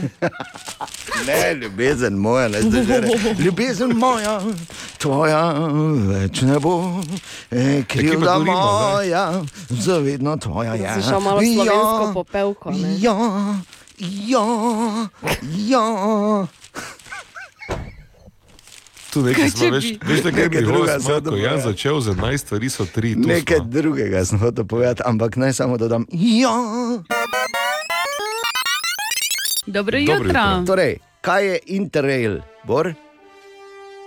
Enotna vozovnica za vlak, ki te pelje po celi Evropi. Ja, za vse vlake. Sanjal je v njej mladi Bor in nikoli si jo kupil, ne ker ne bi imel denara, ampak ker bi mogel iti ven z Maribora, zato in nikoli ni šel. Zato on dobro za župana, ampak po Evropi pa ni potoval z vlakom.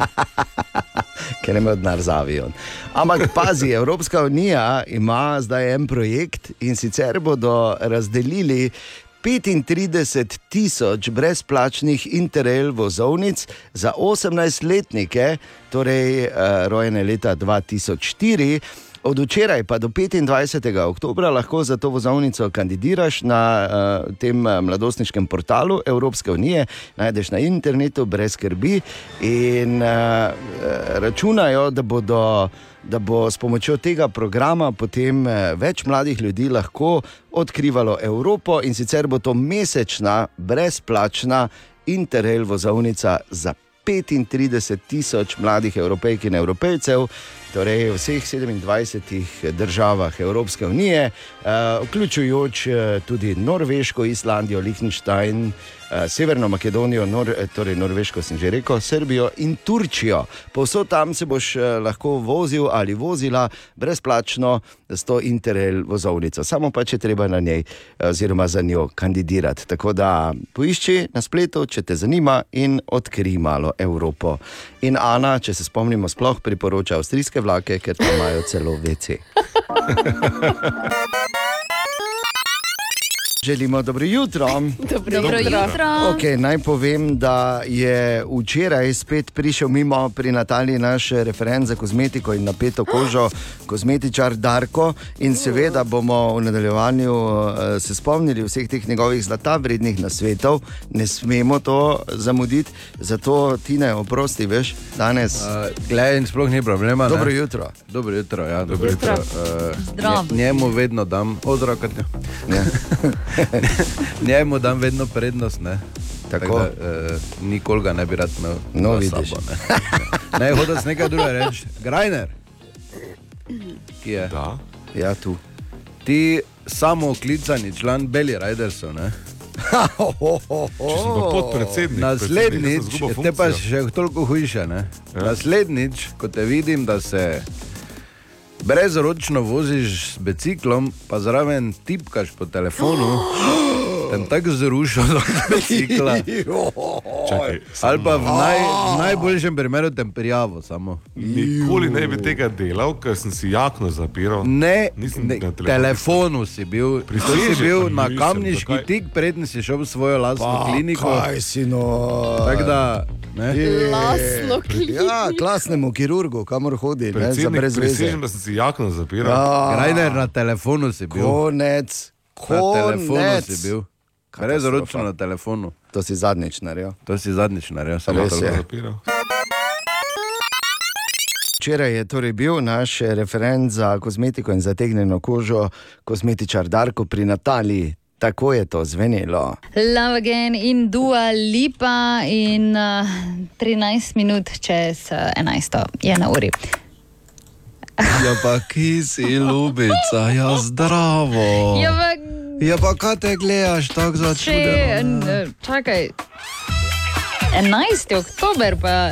Ja, že več kot en no. mesec te ni bilo. Ja, malo Ja, sem bil gle zdaj na okolju, pričakovala. zdaj sem na Barkolani sem bil zdaj. A v Trstu? V Trstu sem bil malo. Mislim, šel sem malo po trgovinah, pa sem videl, da A nekaj ja? plujejo. Tam pol pa so jim rekli, stari ti si na Barkolani, jaz sem rekel, "Ja, valjda sem na Barkolani bil. Ne. Aha, ok. Tako da. Jaz na jadram, no. A jaz se upravičujem. jaz na motore samo grem. Ne. Ker imam rada bolj gladko, gre pa bolj ne. Aha, nimaš rad, da se. Ja, to, da gre, bo- da gre bolj redno, da ni to malo Ni nekaj, ja, pa malo, malo bi, pa malo ne. Sam, mora iti, ne, samo da gre. Kak si? Okay, ja, eh, zdaj sem Vre, super, jaz imam, eh, spoznala sem tvojega bratranca. Kerega zdaj, ker nas trije smo, no. Jaz se tretjega, enega samo nisem poznala. Korošca, Tako je. o ljubi Bog, stara, oprosti. Ne, mislim, Kaj te je gnjavo že kaj? Ne, ne še. No, ker je ful, veš, malo je zaljubljen v te. No. A ja, ne, ni mi povedal, ampak hvala. Jaz, No. Samo jaz butel ne smo rekel, da si samska. No. Pa da si korošica, te pa tako znorev, skoraj sem neko stari sana, hoje gnjaviti, ja, reka, kar nekaj Vredo, tak ne. okej, okej. No, Ker te se skratka, ima, ne.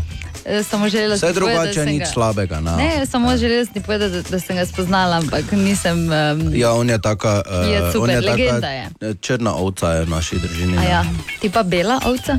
Ja, jaz imam bela rad. Čuješ, imam par na svetu, eh, imam no, par na svetu, zanima, ne da- jaz kuj tako hojim. ne, No, to, vedela tu. sem, da ti ne hodiš praznih uh, ust, Bi rada imela lepo kožo, vedno. vedno. Ne. Ja. Imam par, imam par, pa imam par stvari, pa nazaj. Ne rajš si kredita vzeti za to te neke kremice. Ne? Okay. Jaz ti samo povedal, kaj moraš ti zjutraj spiti.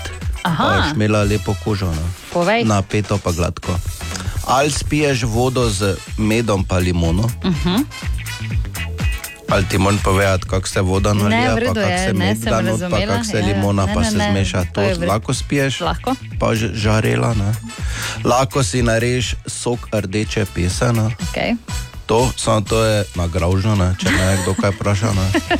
Ta, da to ja, ne ini. stara pi, lahko si daš kako jabolko not zeleno, korenje malo. Tako da bo Okej. še bolj nagraužno. No? In bom pa bolj si oča. Ja, boš ja. Ja, pa tudi poriti se ti pozna. E, no, dobro. Rdeča pesa. Ali pa kurkumin napitek. Ne? A, kurkuma late? Zlato mleko? Ja, to la- verjetno misliš ne. Zlato mleko. No, pa stara, dobro. zlato. Najbolj tako, tak sem ti že enkrat povedal, ne? Oil of Bingle Sandor, to je pač eh, stvar okay. osebne Ja. odločitve, ne? jaz ti to zdaj ne bom polagal gor na obraz, mislim, ne, ne Ja, na okej. usta. Ne, Dobro, gor. v redu. Eh, tako da, ja, gledaj, to sem sam hotel povedati. Hvala, Darkec. Ja, prosim. Pridi še kaj. Ja, prijem, če pa oni. se vas samo napovej. Če pa te oni prije kaj gnjaviti, pa sem reči, naj se na zabavna, Ker je črna očka. ker mate jaz pusto gor. tak je torej bil kozmetičar Darko, včeraj pri Nataliji. In tu je vprašanje za Hajfek za danes zjutraj. Ti mi je zanima, ali je res, da se nam prak bolečine dviguje z vsako poškodbo. Mm. Jaz lahko potrdim. Zanimiva teorija. Ja. Ja. Ti Mislim, potrjuješ, da? ja, pa tudi malo se telo utrdi, če so repetitivne poškodbe na istih mestih. Jaz mislim, da- bo bolj zgodba ta, ne? ko sem jaz kot mladi dejan prišel svojemu senseju na oko. A, ne, ni bilo to. Me je vdaril Bila je- s palico prvič, bolelo me je do kosti, ko me je vdaril deset tisočič, ko sem nosil vodo po stopnicah navzgor, mm, nisem niti čutil več. Tako, zgoraj brez sem bil, to si pozabil povedati. Ja. Zelo zanimivo Ja, vprašanje. Odgovor takoj potem. Aha, aha, aha, aha, aha, aha, aha efekt. Torej, Bor danes v Hajfektu odgovarja na vprašanje Timija, ki ga zanima, ali je res, da se nam prak bolečine dviguje z vsako poškodbo. Torej, ne bi rekel, da se dviguje za vsako poškodbo, definitivno pa se lahko prak bolečine spremenja v življenju posameznika.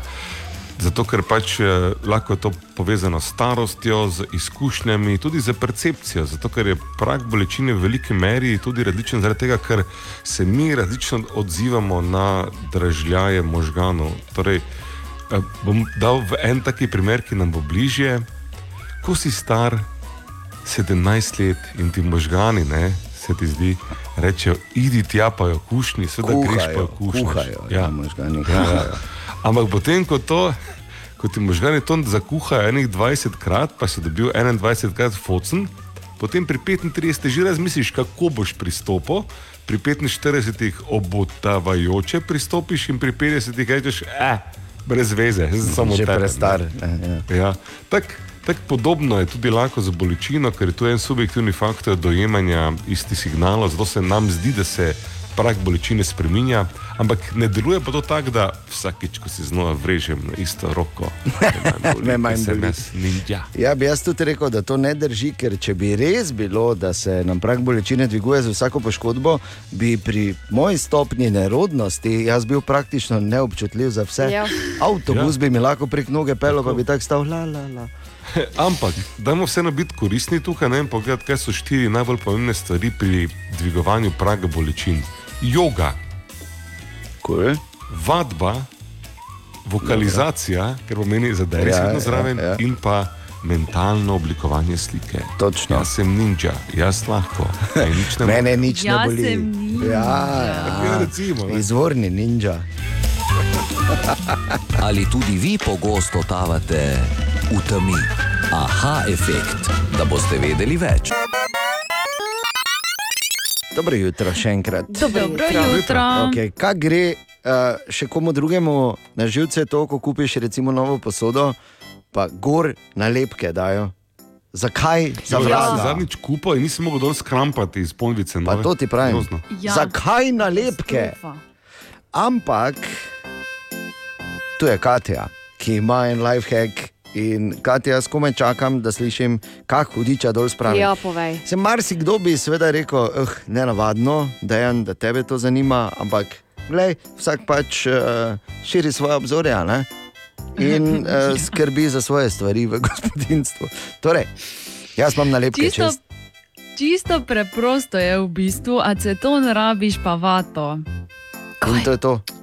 Ja, In gre dol. pač vato namočiš v aceton ne, in potem enostavno. Sicer traja malo dlje, ampak zagotovo traja veliko manj časa, kot če bi čohal z nohtom, z ne gobico, z čim Nožekom.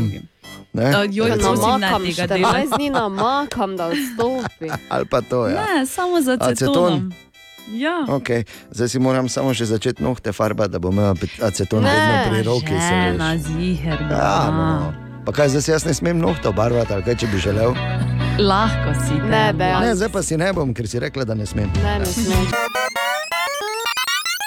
Običajno je tukaj seveda naš priljubljeni jutranji segment izborove špajze, tokrat tudi danes, seveda za potrebe ciljnega komuniciranja. Uh, uh, iz uh, torej na sveti nekega kandidata in tu je še eden. Danes izjemoma ne v Rimi, ker imamo preveč proze zapovedati. Torej, dragi Dejan, dobrodošel tudi ti v županski dirki To nisem pomote. jaz, to nisem jaz. Ja. Ne, ne, Ja, ni okej. Dejan zapustil mojo in kandidira v svoji kampanji. Ne, ne. To je drugi Dejan, ki se je pohvalil, da je njegova rodbina iz kraja skozi Trčovo čez breg dol in bi samo en nasvet dal temu kandidatu. Ne reče se metava, metava je. Tako, tisti, ki tam doma rečejo, metava, bravo. Bravo, Bor. vidite, zato je Bor popoln kandidat. Dobro jutro. Dobro jutro. Dobro jutro ja. In ponovno bo čas, da uh, besedo prevzame ali pa povzame naša referentka za astrološka vprašanja v jutranji ekipi, pravzaprav na radiju, Katja. Dobro jutro. Katja, baje, imaš seznam znamen, ki veljajo za bolj odgovorna kot recimo ostala. Res ga imam in na tem seznamu so eh, tri znamenja. In Samo tri, Samo tri. dobro. In začenjamo z najbolj pomembnim. Tehnico. Eno, ne, pa ne more biti vedno tehnica. Okay? Eno, ne. Eno od najbolj odgovornih znamenj je znamenje device. Glej, Ja, glej, kdo je devica? Ja, glej, kdo je devica Ja. v tej ekipi? Ja, no, torej, kdo je najbolj odgovoren v tej ekipi? A, torej, device smo. Seveda, ne. že na splošno znane kot izjemno orga- organiziran znak. Veš kaj, meni se zdi to razveze, brez Halo, veze. ne, ne, daj, dalje. da, ne. No, glej, če te ni zraven, mogoče pa si, počakaj do konca. Okej, no? okej, bom. torej, kot izjemno organiziran znak veljajo device, eh, ki znajo zelo kvalitetno reševati probleme in eh, so tudi super vodje. Devica vas ne bo pustila na cedilo nikoli, razen, tako pravijo, ko je izgorela, ampak tega še sama ne ve. Ja, bi rekel. Lahko potrdim. Lahko Glede na izkušnje, ki jih imamo, lahko potrdim. Okay. Nadaljujemo drugo znamenje, kozorog. Ja, Je. vidiš. Tudi kozorogi so znani kot eno od bolj odgovornih znamenj. ne. Kozorogi so sami po sebi izjemno marljivi, potrpežljivi in v bistvu že od majhnih nog čutijo veliko odgovornost do vseh in vsega okrog sebe. Včasih vas, dragi kozorogi, vaša odgovornost celo omejuje pri tem, da bi se popolnoma sprostili. Res je, zelo sem omejena. Okay. Tako vsi, ne, od tam, ko si. Bi samo rekel, Pa daj, ne, da jih hecam vseeno. Bi pa samo rekel, da je zanimivo, da na zadnje, ko sem opazoval kozoroge v živalskem vrtu našem, ne, Ja. v Ljubljani. Uh, sem ugotovil, v bistvu, zakaj imajo tako dolge rogove ne, in malo tako nazaj zavite. Zakaj? Zato, ker se tako lahkoto poriti čuhajo, veš, tako nazaj. In mi je bilo fascinantno. In sem bil, glej, narava ve, da je vse, kar se da. Ker drugače, kako se bo no. koza poriti, počohala, razumeš? Ja, Naše težko. te domače koze morajo več tako iti, pa se po drevesu, tako hop, hop. Ometati, eh, eh, eh. No, vidiš. Kozorok pa samo gleda, samo glavico malo nazaj, pa cika, cika, pa že levo, desno dela. Mogoče so zato toliko bolj In odgovorni, prav ker vidiš, časa. in prav vidiš, tako mu malo jezik ven pade, ko mu paše. E, pa daj. No. Okay, pa bomo še prišli do tretjega znamenja? Izvoli, izvoli, um, no, um, zadnje znamenje je pa um, žal dejan. Vodnarji so to. Uh, čeprav znanjem opazovalci vodnari veliko krat ne delujejo pretirano odgovorno, je to vse prej kot resnica. Sicer se odgovornost vodnarjev kaže na malo drugačen način. Ti so predvsem kolektivno odgovorni, pazijo na svoje bližnje in pa skrbijo za boljšo prihodnost vseh na našem planetu. Recimo se borijo proti podnebnim spremembam, so znanstveniki in podobno. Bravo. Mislim, mene sploh nisem razočaran, ker da sem lahko povedal zgodbo o kozorogih in kako se čohajo. Hvala je bil za to, Hvala, pa hvala Katja, da sem lahko, da si mi omogočila. Ja, ni problema, gledaj še, še kdaj. Še enkrat dobro jutro. Dobro jutro. Okay, zdaj pa naslov, ki smo ga uh, prebrali vsi tukaj v studiu ena danes zjutraj. Tako da bom vsake toliko časa bom samo spomnil uh, vaju, da, da, da povesta. Pa naj začne Ana. Hmm. Mednarodni dan česa je danes, Ana? Kaj smo prebrali? No, povej. kar povej. Mednarodni dan brez no. modrca. Tako. In majice, ker drugače nima smisla. Web, web, web, web check. Torej, dobro jutro, Katja. Dobro jutro. Jutro. Torej, tudi Karl Lagerfeld bo dobil svoj biografski film. Tako. In eh, sicer še ni jasno, kdaj bodo pričeli s snemanjem, niti ni jasno, oziroma znano, kdo bo režiser, ker ga še nimajo. Uh, vejo pa, kdo bo igral Karla, Mm. Jared Leto. Bo. Jared Leto. Ja. Jared Leto. Lepo, ne? Lepo leto. Lepo leto bo. Mislim, vr, leto. vr, sej, res je super igralec, eh, Jared Leto, da smo si na jasnem, da ne bo kdo mislil, da na zadnjem ima Oskarja. Um, kar odpre, seveda, druga številna odprta vprašanja, ker moramo še uh, za časa eh, to stranskega obstoja podpisati pogodbe tudi za biografske filme o našem kandidatu. Ne? Recimo, ja. Bi lahko je še začeli vedno počasi odprto, ne? razmišljati. Ne?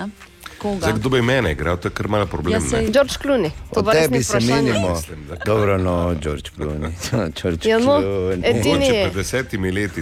ja, seveda. Je treba poiskati nekaj drugega. Ne? Bomo naredili neko audicijo. Jaz mislim, da Gora Žilavec. Glej. Ja, Žilavec bi pa znal, ne, ker ima Znal, ja. podobno, podobno linijo humorja kot jaz. Ne. Ja. Predvsem čisto to, ja. tu, ampak ja, Ja, je pa kar ok. ja, Pa podobno govorita, ne? Ful. Ja. Ja, Vse je isto. Na glas imamo isti. Pravzaprav sta. Brata. I, ja. Mislim, de, dejansko nam težko zamenjaš. Ne? Ja. Veš, kaj mislim? Ja. Ok, daj premaknimo Okay, gremo prosim, dalje. Um, Elon Musk se po novem imenuje tudi prodajalec parfumov. Na trg bo prihodnje leto namreč lansiral novo dišavo po imenu Zažgani lasje. Za stekleničko bo potrebno odšteti 100 dolarjev, sam je v bistvu že prodal 10 tisoč stekleničk, zato je zaslužil milijon dolarjev. Lepo. A v bistvu pa ne gre za dišavo, ampak po besedah Maska za esenco odvratnega poželenja. Pa dobro, Burnt hair. kam je šlo, pomagaj. Ja. Ampak Ker mi ne, vemo, da je mask pravzaprav pomembna uh, sestavina parfumov.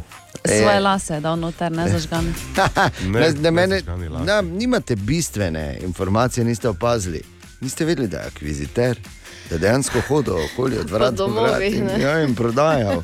Tok, tok, zdravo. Ja, to pa je res. Ja, no.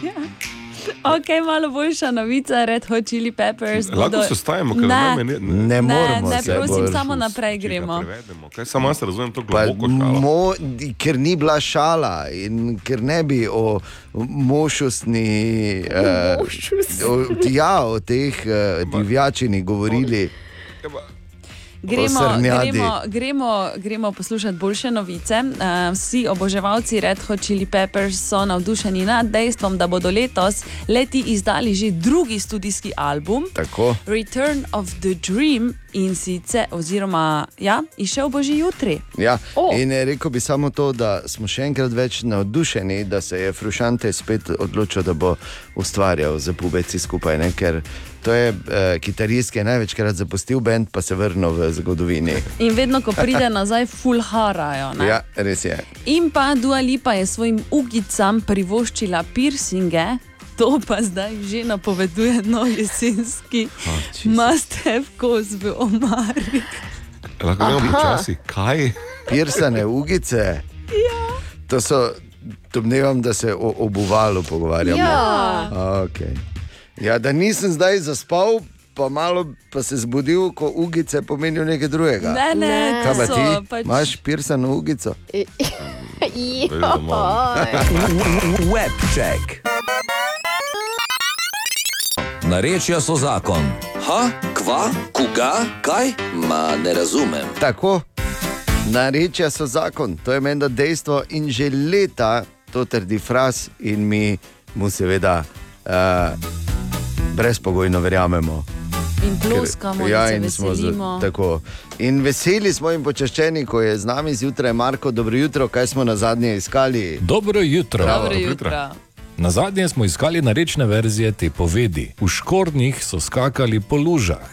Jaz sem Kristina Plenšek iz Muretin. E, V črevli so čapkali po mlakah. Zdravo, jaz sem Sandi iz Javljanja. Uh, pri nas pa rečemo, da so z baterami š- skakali po mlakah. Smirjana iz Prlekije, v Batačah je skokal po mlakah. Bog da je temu tetu zgodovinec, pri nas rečemo, batači so skokali v lužu notri. Pozdravljeni, sem Urška, prihajam z Lovrenca na Pohorju. Pri nas povemo tako: v škornjah so skokali po mlokah. V tem tednu pa iščemo narečne verzije te povedi. Ko sem stal v vodi, me je uščipnil rak. Kaj pravite vi trije? Vapajnca, varašanec in varovač. Ko sem stal v vodi, me je včipno rak, kaj je. Ne? Da sem, sto, Vodi. da sem stola vodi, me Stola. je, me je rok včekno. Čekna. Čekna. Čekna. Čekna me je. Kaj ste pa rekli vi na teznu? Ana? Ko sem stala v vodi, me je rak čipno. Po mojem. Ne, Ni bo bolje stavek je spektakularno. verjetno šel, kad sem stala v. Pardon. Ampak Marko, kaj si nam pravzaprav rekel? Vapajnca je apnenica, varašanec je meščan, varovač pa je varuh ali skrbnik. Super. Kdaj bo konec teh izrazov iz stare Nikoli. prekmurščine? Ne bo. Ne. ne. Ne. Mislim, da bomo prej vapajnco To pili je kot dan, pa. ki ne neha darovati. Res je. Ampak ne reče so zakon, tu pa tam frasi medved šel in pa jasno, da ne vse skozi na naših družbenih omrežjih. Ha, koga? Ma ne razumem. Narečja so zakon. Ena od treh, treh, treh. Jutranji sprehod po zgodovini popularne glasbe. Tako, otroci, danes pa, o, danes pa vam bo stric Dejan povedal več. Wow. Tako. Ja, več o, ja, veš, zakaj govorim o otrocih in stric Dejan. Zato, ker vsi iz najne generacije, zborom in starejši, bodo o tem seveda dobro vedeli ali pa že kdaj slišali. Danes Čuti bomo. njega, ne za najne generacije. Ja, razlike tako. tisoč let. Pa dobro, ampak gre za to, kako izgleda. Ti izgledaš tako dobro, jaz gledam tako slabo. se veš. Torej, uh, Ne, ne, Ali je čakaj, to bil čakaj. kompliment? Ja, o moj bog.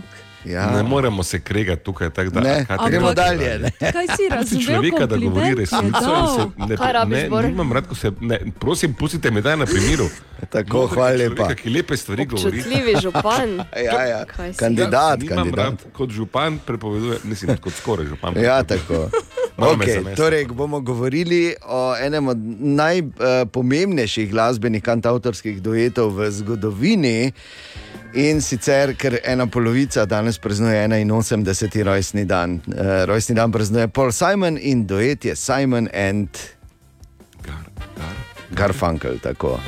Simon in Garfunkel sta v bistvu zaznamovala 60. in 70. in njuna zgodba je, je res zanimiva. Spoznala sta se v osnovni šoli že. In sicer je Simon šel na neki, so imeli neki šov talentov, oziroma neki pokaži, kaj znaš. In je Garfunkel tam prepeval, in je Simon rekel: Uf, če bi pa mi dva zapela, veš, kako bi padale. Je, ker sta bila tako stara, ne, glih, da je se začelo brnenje.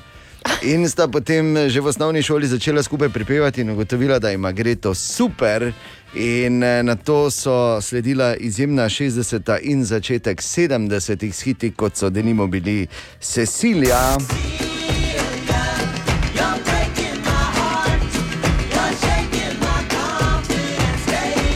Ali pa The Boxer.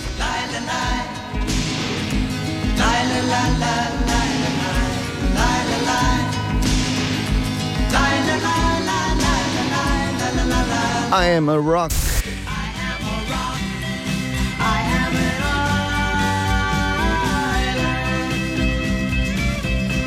In pa seveda Bridge over Troubled Water.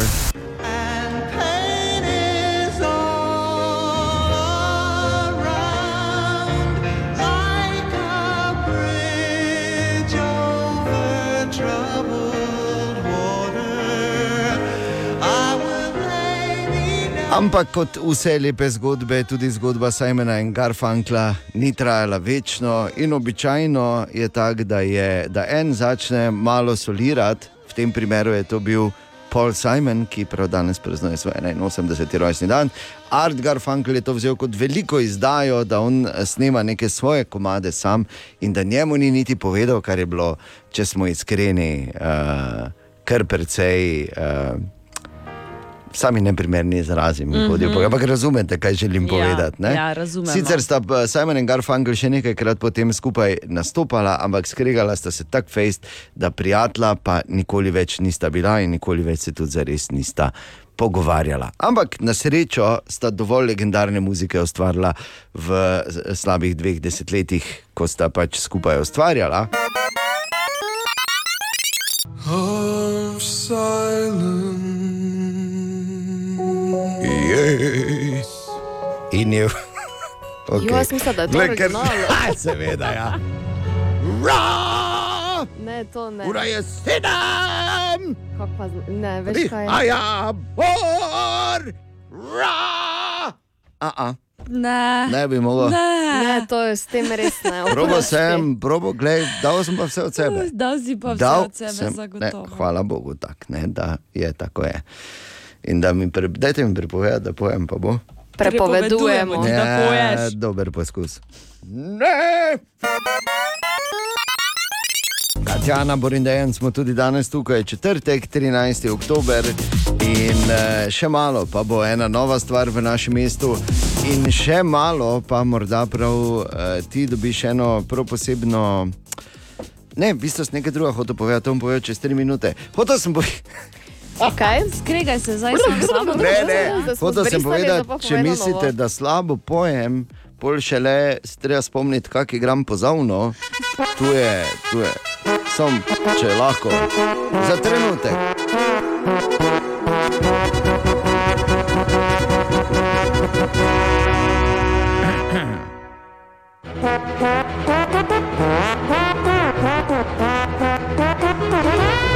No, to vam pravim. Ne.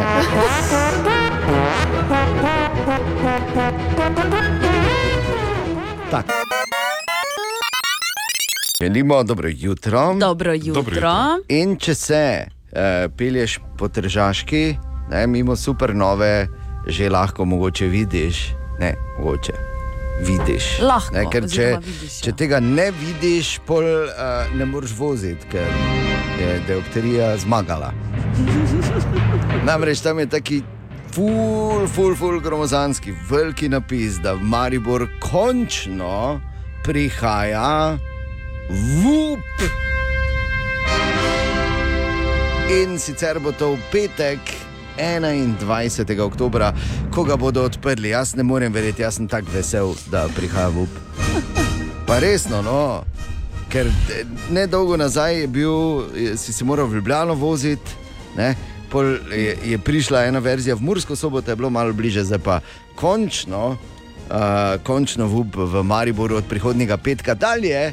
In seveda, zakaj se o tem menimo? Zato, ker imamo v žepu eno neverjetno, najbolj vupastično da še ni, ne, v bistvu, najbolj vup doživetje, v bistvu, za te in za še nekoga zraven tebe. Namreč uh, to doživetje bo res izjemno. Šel, šli boste namreč pred vsemi, pred otvoritvijo, sami. Potestirati vse, kar VUP ponuja, se pravi, eh, cel trampolin park, pa escape rooms in vse to, in to skupaj z Dunkin' Devils, ki vemo, da so Uh, pravzaprav ena najboljših akrobatskih šov skupin, ne le v Sloveniji, ampak verjetno v Evropi in širše. In tam si lahko iščemo neustrašnih sedem, ker vup ni ravno za vsakega. Ne? Bor, ti prosim, lepo s tvojimi Če kolki. se ne vupneš Ja, ti takoj. ne vupaj, bor, prosim. Ja, S tvojimi kolki rekel, jaz sem šel not si pogledati to, torej sem strokovno analiziral zgodbo. si bil tam? Tudi slone kocke. Glej, Ana, veš, da človek gre pogledat? Šel je, prišel je probat enkrat v življenju, kak je, ko skočiš v Ne, foam, ne, foam po- Samo čakaj, kaskader pa nisem, nisem probal, sem pa videl. Je, ne? Ja. In uh, naj bi si mislil, da je to pravzaprav center zabave z marsikaj, mislim, vse. Ne bi si, Jaz mislim, da res. je, ne, jaz mislim, da je to samo ne kocke, ko si noter vržeš, veš, tiste. Ti bi moral reklame pisati, Bor, to je neverjetno. Bi moral, ne? Ti moraš vedeti, da mnogi so v VUP-u že bili, samo še ne v Mariborskem in točno vedo, kako je to VUP doživetje. Ne, to. Ja, no, se pravi. pardon, no. Zato pa zelo amatersko. Ker sem hotel povedati, da sem že nekaj videl, pa da je zanimivo. Zdaj, če vas to moti, se pardon. Mislim, Ne, striček, v če redu je. Lej, če sem zdaj iskren, ni neka zgodba, sem pa neustrašno krenil. Ja, lepo. In kako postati del naših neustrašnih sedem, ki bodo prvi šli na VIP doživetje v VUP in ga na nek način odprli, eh, pa potestirali, če vse štima, če je vse zašraufano, če so vse fedre priklopljene. Ja, no, glej, ziher, je ziher. Neustrašnih sedem, torej sedem plus enega, vedno lahko vzameš zraven, ker verjamem, da bo ogromno malih kandidatov, ki bodo želeli na tak način, brez, tota, brez splošne gužve in z Dunkin' Devilsi preveriti novi VUB v Mariboru. Prvi korak je. Da nam na našem Facebooku poveš, da si pripravljen ali pripravljena z nami neostrašno deliti svojo najbolj zabavno zgodbo ali pa eno od najbolj zabavnih zgodb, ki si jih doživel ali doživela, in enostavno počakaš, da te pokličemo. In med vsemi neostrašno povedanimi zabavnimi zgodbami bomo na to prihodni četrtek, torej čez en teden, izžrebali najbolj vup ekipo neostrašnih sedem, ki boste torej doživeli nov mariborski vup na VIP način z Dunkin' Devils. Čakaj, mi smo Jasno, štiri, na še rabimo, ne? Tudi lahko naš, uh, pišeš, kličeš karkoli, da ne bomo ostali pri moji zgodbi, da sem jaz odprl vrata, prijem noter in niso bile samo kocke. E, to, je to je bila in neostrašna, in zabavna zgodba, tako zabavna, da me je, ne? Katja in Ana me lupita, tu iz uh, lupita, me iz tepiha, gor res, ker sem O, veš, čist da- Razlezlo je. Vem, kaj pomeni biti vup, ne?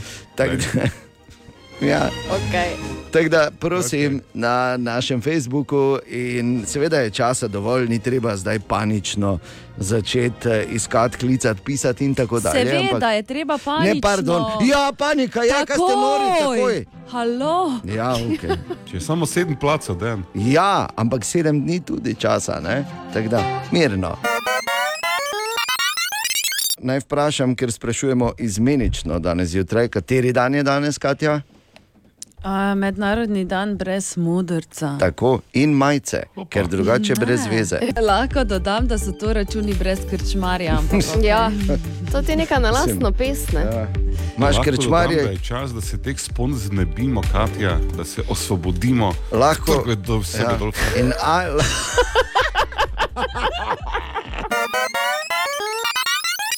Ne bi rad nekaj, Kaj je 13. to za ena oktober je? Božič bo Samo 1, malo- 2, 3 tu. Malo prehitro. Ne, ni. 13. O. Oh. oktober in eh, v očeh eh, ali pa s to grozečo ali pa energetsko krizo, ki je tu že nekaj časa, se. Rus eh, rekel, samo ustavi se, je Rus rekel, da plin lahko odpre. Ja, vredno. Ampak ne bi njih omenjali zjutraj. Pač, ne. A Dejstvo je, da mnoge občine razmišljajo, da zaradi varčevanja ne bo praznične okrasitve. In če bi v Mariboru bilo tako, kaj pravijo občanke in občani? Se strinjam s tem, Ja, če bodo težave z elektriko, moramo šparati vse posod. Ja. Samo kaj pa to, da mogoče pa potem ne bojo zaslužili gostinci, ne? tako da v bistvu potem denar zgubljamo, pa turiste. Ja, lahko pa naredijo tako, da ni, da je bolj v duhu, kaj jaz vem, neke druge okrasitve. Ne? Da ne Z porablja. špa, šparanje z elektriko, sigurno. Ja, meni se zdi to zelo preudarna odločitev, eh, ker če je takšna situacija, moramo vsi pač zamežati. Turisti bodo prišli, če bodo eh, gostilne odprte, eh, muzeji, kakšna druga ponudba, kakšna proslava, kakšen koncert. To, se lahko zgodi v nekih omejenih količinah, ne pa 10 tisoč ljudi na trgu eh, Svobode ali pa na Štuklovem trgu. To je Jaz se sicer načeloma s tem strinjam. Če smo v energetski krizi, smo v energetski krizi, pa mislim, da moramo vsi k temu prisluhniti. Kaj pa če bi se zračunalo, naprimer, da mesto vseeno več dobi od turizma decembra, ko pa bi zapravilo za elektriko? Ja, če bi se to pravilno dokazalo, potem sem za. Je pa definitivno, da ena smrečica ali nekaj v mestu mora biti. Nekaj vzdušja vseeno moramo dati, tudi v tej recesiji, ki smo jo pa zdaj dve letni imeli. Tako torej. Ne? Se strinjajo naše občanke in občani, in eh, na občini sicer še niso dali nič definitivnega, ampak eh, bodo več povedali. V kratkem bodo pa ukrepe uh, usklajevali z ostalimi občinami. Mislim, kaj se lahko nekdo sede, pa samo zračuna, ali da ta ena smrečica z lampami ne, več prišpara, kot pa če bi pač temperaturo znižali za pol stopinje. Ko Zdaj, delamo? Ekstremisti pa nismo. Ne? O, Tine! Dobro jutro, Tine. Dobro jutro. Pozdravljen. Dobro jutro. Dobro jutro. In kaj? Četrtek je. Ja, res je. Kar je zanimivo, se mu zlizali. ta teden. Ne? Ja. Bi pa rekel samo to, da se vidi, da je četrtek, ker Bor že celo jutro trenira za takrat, ko bo kip. Veš, tako nepremično sedi. Res, Prvo, Jaz ne morem verjeti, da se v 137 letih, ko delaš zjutraj, zdaj misliš še četrtkov navado, to mi ne, nikoli ne šlo v glavo. Pa Prisežem, da je dan prvo uro mislil, da je slika zmrznila. Ja. Ja. Ja. Ja. Jaz še Ni samo mislim. Dejan. Ja, Jaz še zdaj mislim, da te poslušam. Ja, da govori, kot da bi veš, gledal, ko greš ne vem, v trgovini čez zmrženo, pa viš noter pice, pa grah, ki se ne premika. Veš, da je nekje globoko zamrzeno, je Ja. živo, ne, Je, Samo se ne, ne premika. ne, ne, to Tako je si- br četrtek. Ti si v bistvu grah na zmrženem. Prej ga je hvalil, ne? zdaj pa evo. Ne, to je samo opis stanja. se Pa. Tine, kaj si prinesel s sabo danes? Sir. Lepo. Pohvaljen. E, ne, ne vem, če ste vedeli, ampak dokazano je, da glasba lahko vpliva na aromo in okus sira. Mhm. Celo. Ja, a, in sicer tri leta nazaj so delali, delali Ja, ja, ja. Kdo je za zmržen, ne? E, ti si zadnji. Ti se pa zdaj imeno. Zadnje novice si poslušaj, pa, pro, pa probaj razumeti. Pa vse prej, v zadnjih 12 letih. ja. Skratka, eh, muziko so vrteli kolutom sira. Bog In, pomaga. ja, in ugotovili, da najintenzivnejši okus je razvil sir, ki je poslušal hip-hop. Da nehaj. Bravo. zdaj pa lahko si kupite, ne vem, 20 dek edamca, pa mu ful nabijate. E-damca. E-damca. E-damca. Ali pa, ali pa e-mentalera. Ja, tako. Ali pa pač Se pa sprašujem pri tem, kako, uh, kako muziko mora poslušati kvargl, da ima tako uh, izbrano kuz, bom rekel, Wernerja. Ne? Jaz nisem hotel reči. Aha, aha, aha, aha, aha, aha, aha efekt. Torej, Bor danes odgovarja na zanimivo vprašanje Laure, ki jo zanima, zakaj glasbeniki veliko krat na začetku pesmi štejejo 1, 2, 3, 4. Torej, zakaj ravno do 4? Zaradi tega, ker v zgodovini moderne glasbe, vse na zahodu, je večina pesmi narejena v štiri četrtinskem taktu in tu se najlažje šteje 1, 2, 3, 4. Ja. Zato, ker če bi šteli 1, 2, 3, 1, 2, 3, 1, 2, 3, 1, 2, 3, pa, le, pa si imala v drugem filmu. Ne? Ja, res je. Ja. A če bi štel, Zdaj, če bi štel uh, 1, 2, 3, 1, 2, 1, 2, 1, 2, 3, 1, 2, 1, 2, 1, 2, 3, 1, 2, 1, 2, pa si v še malo bolj drugem filmu. ne? Recimo, Res ne? je. Koliko In filmov pol, imamo, ne? In ko že mislimo, da nam je vse jasno, ker rečeš, pf, normalno, tri četrtinski, pa štiri četrtinski tak sta najbolj popularna takta, glasbeniki štejejo, da se sinhronizirajo, da začnejo skupaj igrati, pa prijo plesalci pa rečejo 5, 6, 7, 8. Yep. Kaj pa s totimi? Ja, zato, ker imaš eh, do 8, pa imaš do 6 pri latino ritmih. Ne? To pa je Ja, ja, razlika. ne, Ne, normalno, ampak zakaj ne, tudi oni štejejo 1, 2, 3, 4. Ja, ker ne, Ja, ne. Ana, najprej špila muzika, pol pa se pleše. No, vidiš. S tem, da moraš vedeti, to je pa še ena stara resnica. Če, če si znal pet, nikoli nisi rabo plesati. In obratno. Ali tudi vi pogosto Ja. totavate v temi? Aha efekt, da boste vedeli več. Želimo dobro jutro. Dobro jutro. Dobro jutro. Tako in dobro jutro, Jaša Lorenčič. Zdravo. Servus. Vse kviz na našem radiju poznamo, ne? kviz brez Google. Absolutno. Ja. En bolj zagamanih kvizov, sploh ko moraš na ulici, zlasti medvaru, sredi dneva in sredi mesta spalamuditi, kak se imenuje prebivalec Paga. Top.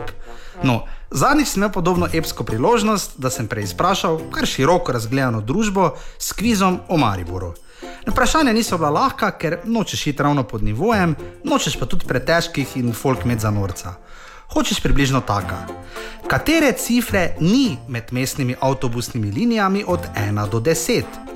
Kako se imenuje ta pekarni pri ovinku v UKC Maribor? Je Justin Timberlake nastopil na pogled in zadeni? Kdo je igral državni basket finale z Olimpijo? Satex, Bavaria, Voltex ali Tambus? In še dopolnite znameniti grafit na lentu. Oko za oko, no, ja, pasta za zobe. Pasta za zobe. Kar je najboljše pri takih kvizih, ni samo to, ko se recimo ponosna in prepoznavna ekipa Mariborčanov ne spomni, na katerem javnem objektu na levem bregu Drave je dolga leta ponosno visel znak tovarne avtomobilov Maribor. Mater, pa tako težko so tam znak dol stolpa pri železniški dobli. Ne? Ali pa ko se nekdo na vprašanje, če je bil vi višji od Jurija 100 metrov, prehitro in preponosno zadere, ja, valjda. Presežek je v tem, da sodelujočim ni bilo niti malo vseeno.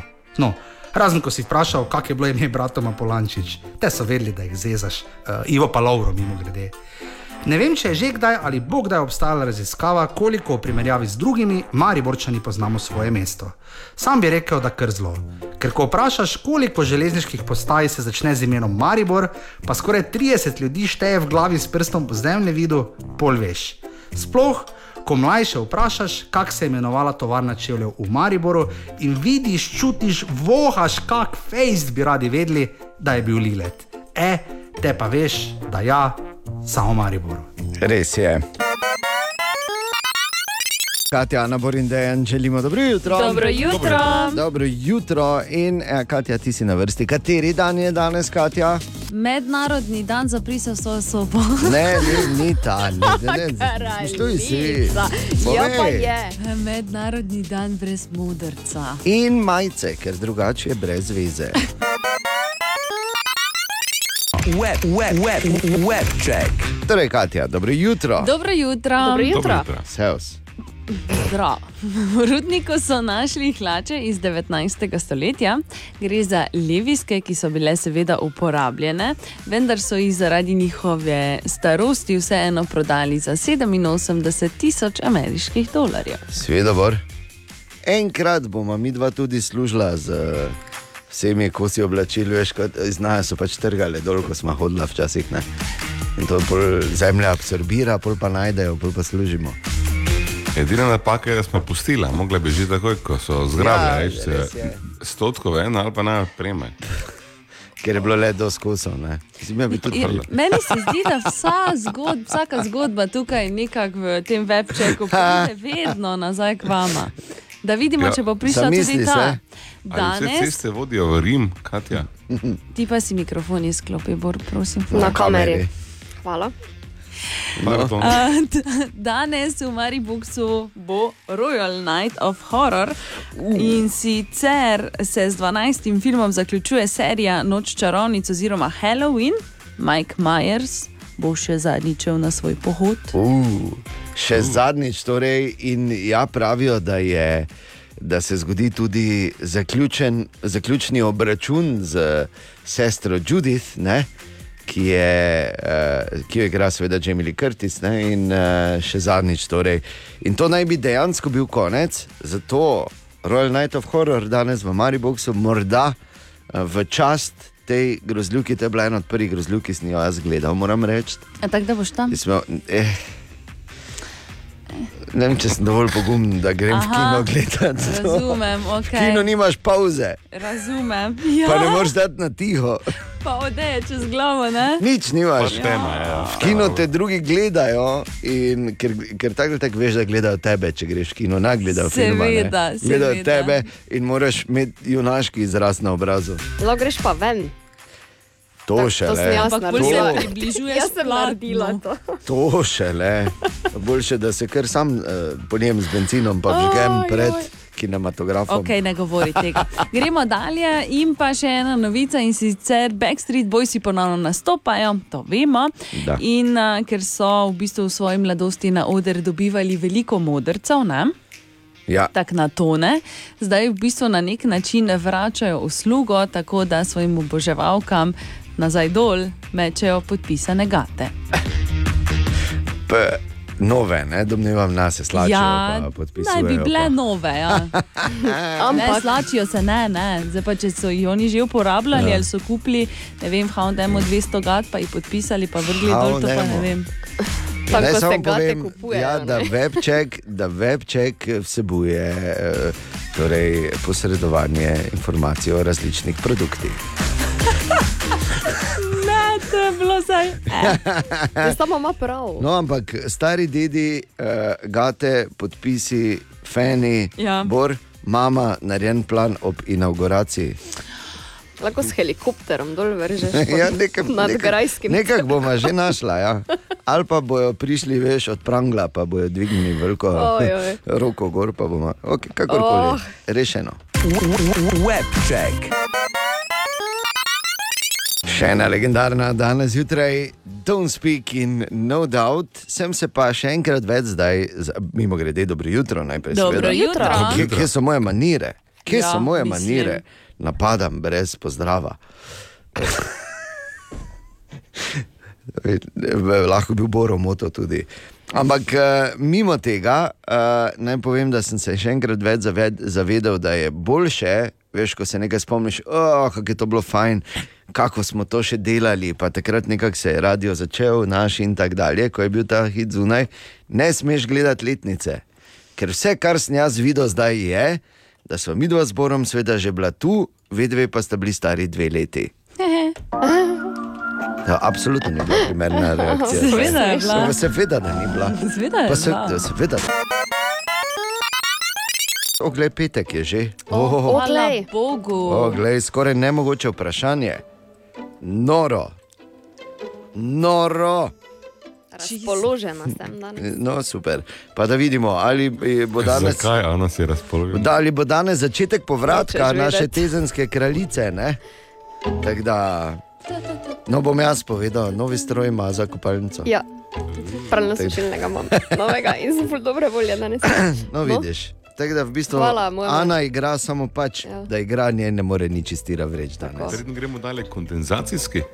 No, ne bova zdaj No, daj debatirala. nehaj, ni tema Bi tega. sem rekel, tu. a tako ravnamo z okoljem. Redo, ne? Dobro, dobro, poslušajmo tudi danes, Eh, glej, daj.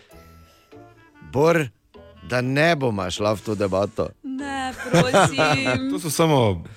Ne pred novembrom, nehaj me no. minirati, pa to ti pravim, zakaj. Te- Jaz miniram njih.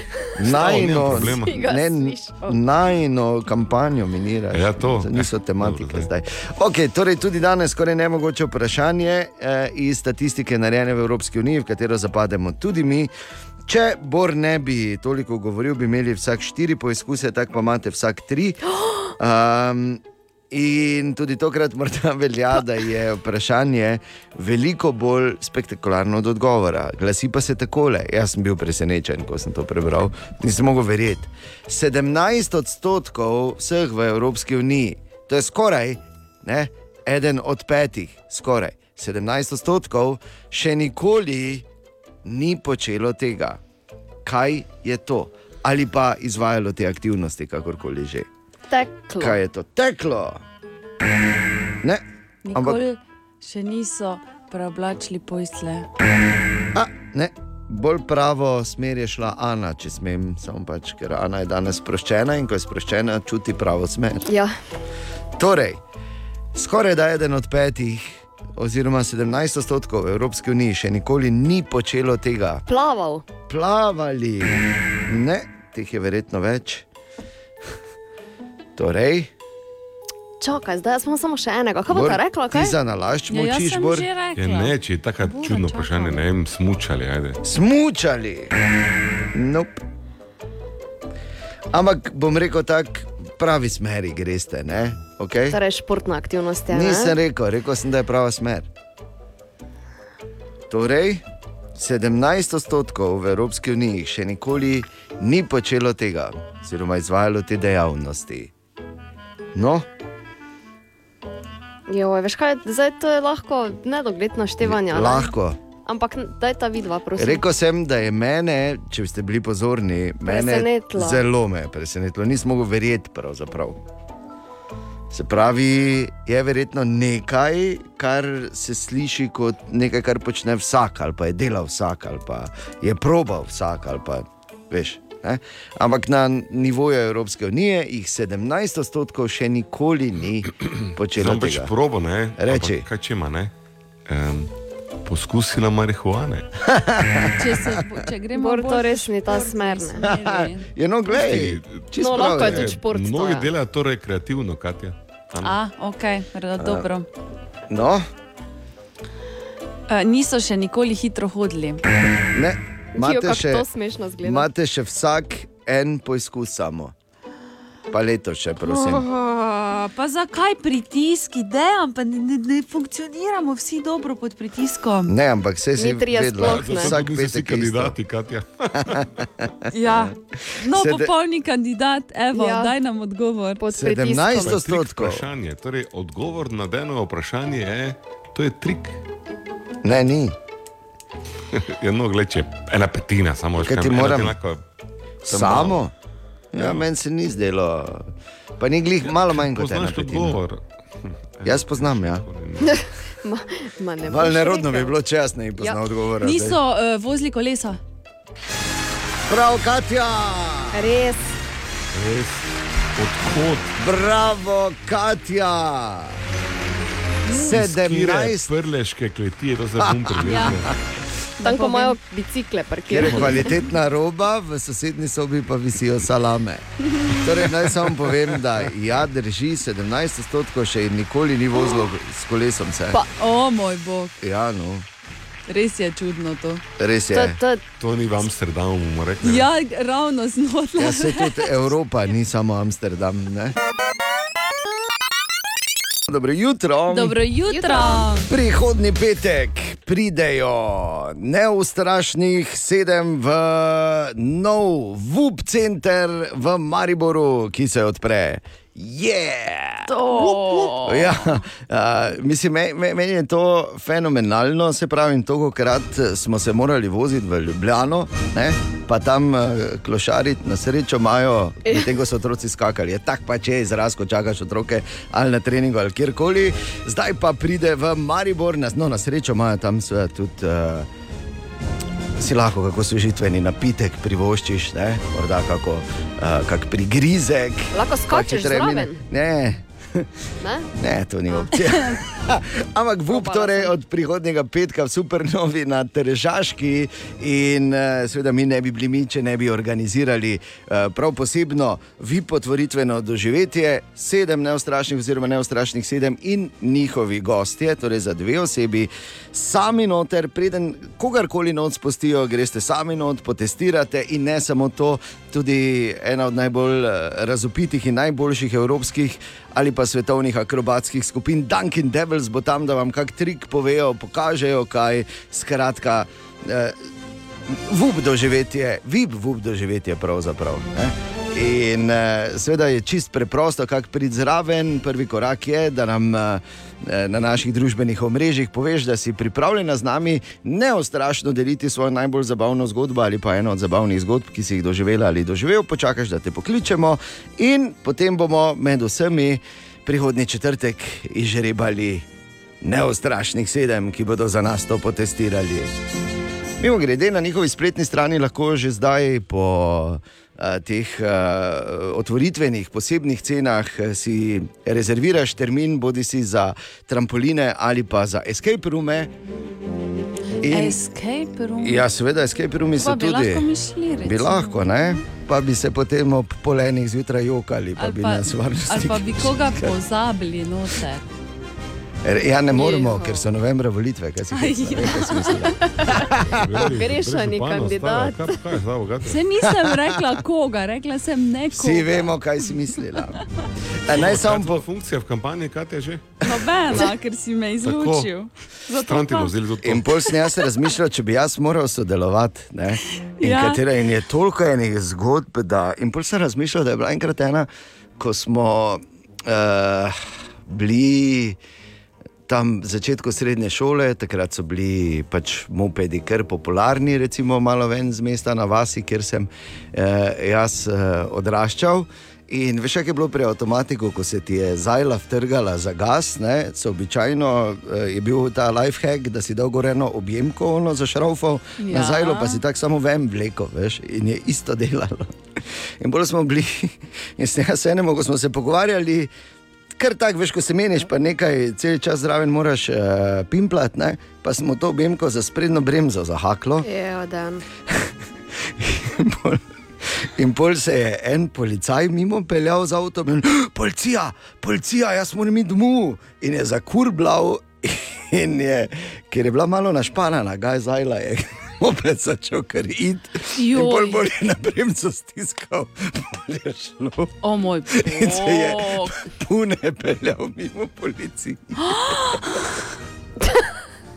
Daj, no, to sploh ni tako zabavno. Ne, ni mogoče jaz ne bi zgodb eh, pa Ne, sodeloval. mogoče tebi ne bi sploh dali takih joj. Možnosti, ne? Ne. Tak da, ampak lahko pa jo dobiš ti in imaš vip vup doživetje, tako da obišči, obišči naša družbena mreža in morda boš del neostrašnih sedem ti in še nekdo zraven tebe. Je pa zabavna zgodba, bila, ne? Je bila, ne?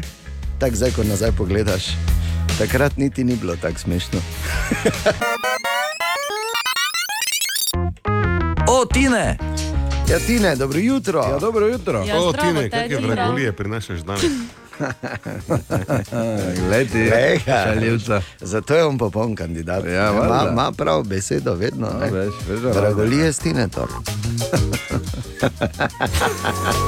Petek Pa začne. taka lepa beseda je to, recimo. ne? Vragolija. Ja, taka, meni je taka Je, kak ljubka je ni beseda. zanimiva, to. ljubka beseda, ko Ja. si ne, do sedem let, ne? Ja, Pol vmes nija dobenega pomena, pol pa ko si star eh, prek 40, vragolija, pa Ja, prečeš nekaj ja, drugega. se že prej. Glej, če rečeš no.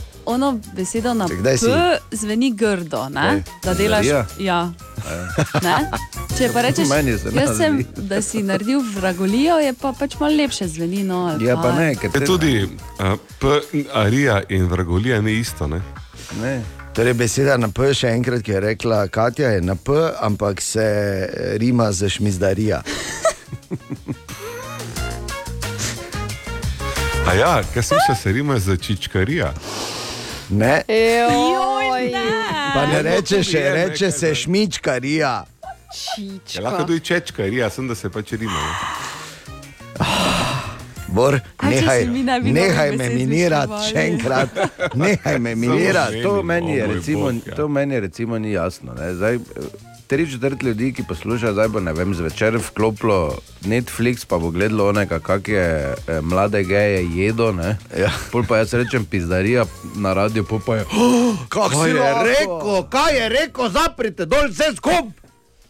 Veš, če me Viš, kaj si zadnjič rekel, to mora biti pis- dvojna morala. morala, Ne, razložim ti, dvojna ne, v čem je razlika. Se strinjam. Netflix, ne, Ne, me ne zanima. Ne, poslušaj, Netflix, Netflix ima dometa približno 40 odstotkov živeče populacije, radio pa 91 odstotkov. Tako da, ko bo moja hčerka stara tri leta, ne, ker je včeraj ve, ne, ne, po, besede ponovil, ne, ampak ko bo prišla s tvojo besedo, bom samo poklical in rekel, hvala. Ja, in boljše, da prije z mojo besedo, kot z njegovimi dejanji. Ne? Zdaj pa Joj, dalje, lahko, to, okay, ja. tu imaš zdaj. Se ne gleda Netflixa. Boljše, pa boljše, da pride Kak ti veš, da ne gleda, da je- Vem, da da ne ne gleda. Netflixa. ker- Boljše, da pride s Tinetovo besedo, bor kot pa s tvojimi dejanji. A tu smo zdaj? Ali pa tvojimi vragolijami. Vragolijami, ker enih parih tudi poznava, mi dva s Tinetom. Ne? In bom rekel, imamo močno orodje, da orožje. No, v bistvu, Ma- Da Imata močno orodje, ja. kandidata uničita. Ne? Gle, ano, ano pa takoj, Tako samo je. čakala. Pa. Tezno. Ja. Pa takoj tezno Eh, bom žge. če- Jaz nisem nič rekel. Zdaj. Daj zanimivost, Ven. Ja, zanimivost je, če ste alergični na mačke. Ja. Če pa sem. Okej, okej. Je velika verjetnost, da ste alergični tudi na leve in tigre. Ne. Tako da, Ojoj, kakšno presenečenje. Ne bom. tak da ne, ko greš Ja, samo ne bom na božat, tigra. Jaz sem se odločila, da ne. Ja, te pa se zmeni. Ti se odloča, ne boš na tigra. Ja. Dajmo en komat, rajši. Dajmo en komat, Aha, aha, aha, aha, aha, aha, aha efekt. In Mislim, da ne obstaja uh, primernejši človek, vsaj v našem delu Slovenije, da odgovori na to vprašanje, ki ga je imela Milena. Zakaj točno to, da nekaj ugasnemo in na novo prižgemo, reši toliko tehničnih problemov? Bor. Zato, ker smo si jih naredili, zato, ker vsaka naprava, ne glede na to, kakšna je, ima v, v bistvu, govorimo o elektronskih napravah, ki so bolj Tako. zapletene, ne govorimo o žarnici. Ne? Ker če žarnica ne dela, ne dela. Če, če ti vklopiš ali vklopiš, ne bo absolutno nič rešeno. Ne, nič, nič. Ampak vsaka modernejša naprava ima pa programsko kodo, ki v ozadju vse te procese upravlja. Zdaj, bolj ko je zapletena naprava, več programske kode je. Če se vprašamo, kdo je napisal programsko kodo, to je dobimo odgovor na vprašanje, zakaj stvari pri računalnikih in kompliciranih napravah tako pogosto ne delajo. V veliki večini primerov je človek in človeška napaka vzrok tega, da nekaj ne dela ali pa zašteka ali pa ni med sabo kompatibilno. In to, ko nekaj vklopiš, pa izklopiš, se običajno začasni pomnilnik sprazni, osnovni softver se naloži, pol pa ti znova človeška napaka, dodajaš svoje podprograme, subrutine. Tisoč stvari hočeš hkrati na telefonu imeti, Katja, gledam te, ker vem, da je res, in bolj misliš, da mora laufati, in bolj si še malo jezna, ker ne laufa. E pa ne gre, ker je človeški faktor premočen. Zakaj, zakaj pa mora laufati toliko stvari v zadnjem? To pa se Ja, zakaj? vprašaj. Zaradi tvoje se. kampanje. bo. Ja, se naj vprašam. Ja, vprašaj se, Ja, zakaj se mora se, absolutno, zakaj mora to stvari delati. In, in jaz mislim, da bo čas, da, da tudi v nekih uh, strokovnih službah naglasimo tvoje odvisnosti. Ne? Moje odvisnosti. Od- od- v ja. tem Ja. trenutku, Od ko je odgovarjal na aha efekt vprašanja, mi je tri sporočila vmes Ja, poslal. seveda. Ja, temu se reče več pravilnost. Katja. Ampak on je tebi vprašanja pošiljal, ti pa pač gledaš pornografske filme. Ja, In pol se ti nabere gor seveda. Ali tudi vi pogosto totavate v temi? Aha, efekt, da boste vedeli več. Dobra, mali in stari. Podcast jutranje ekipe.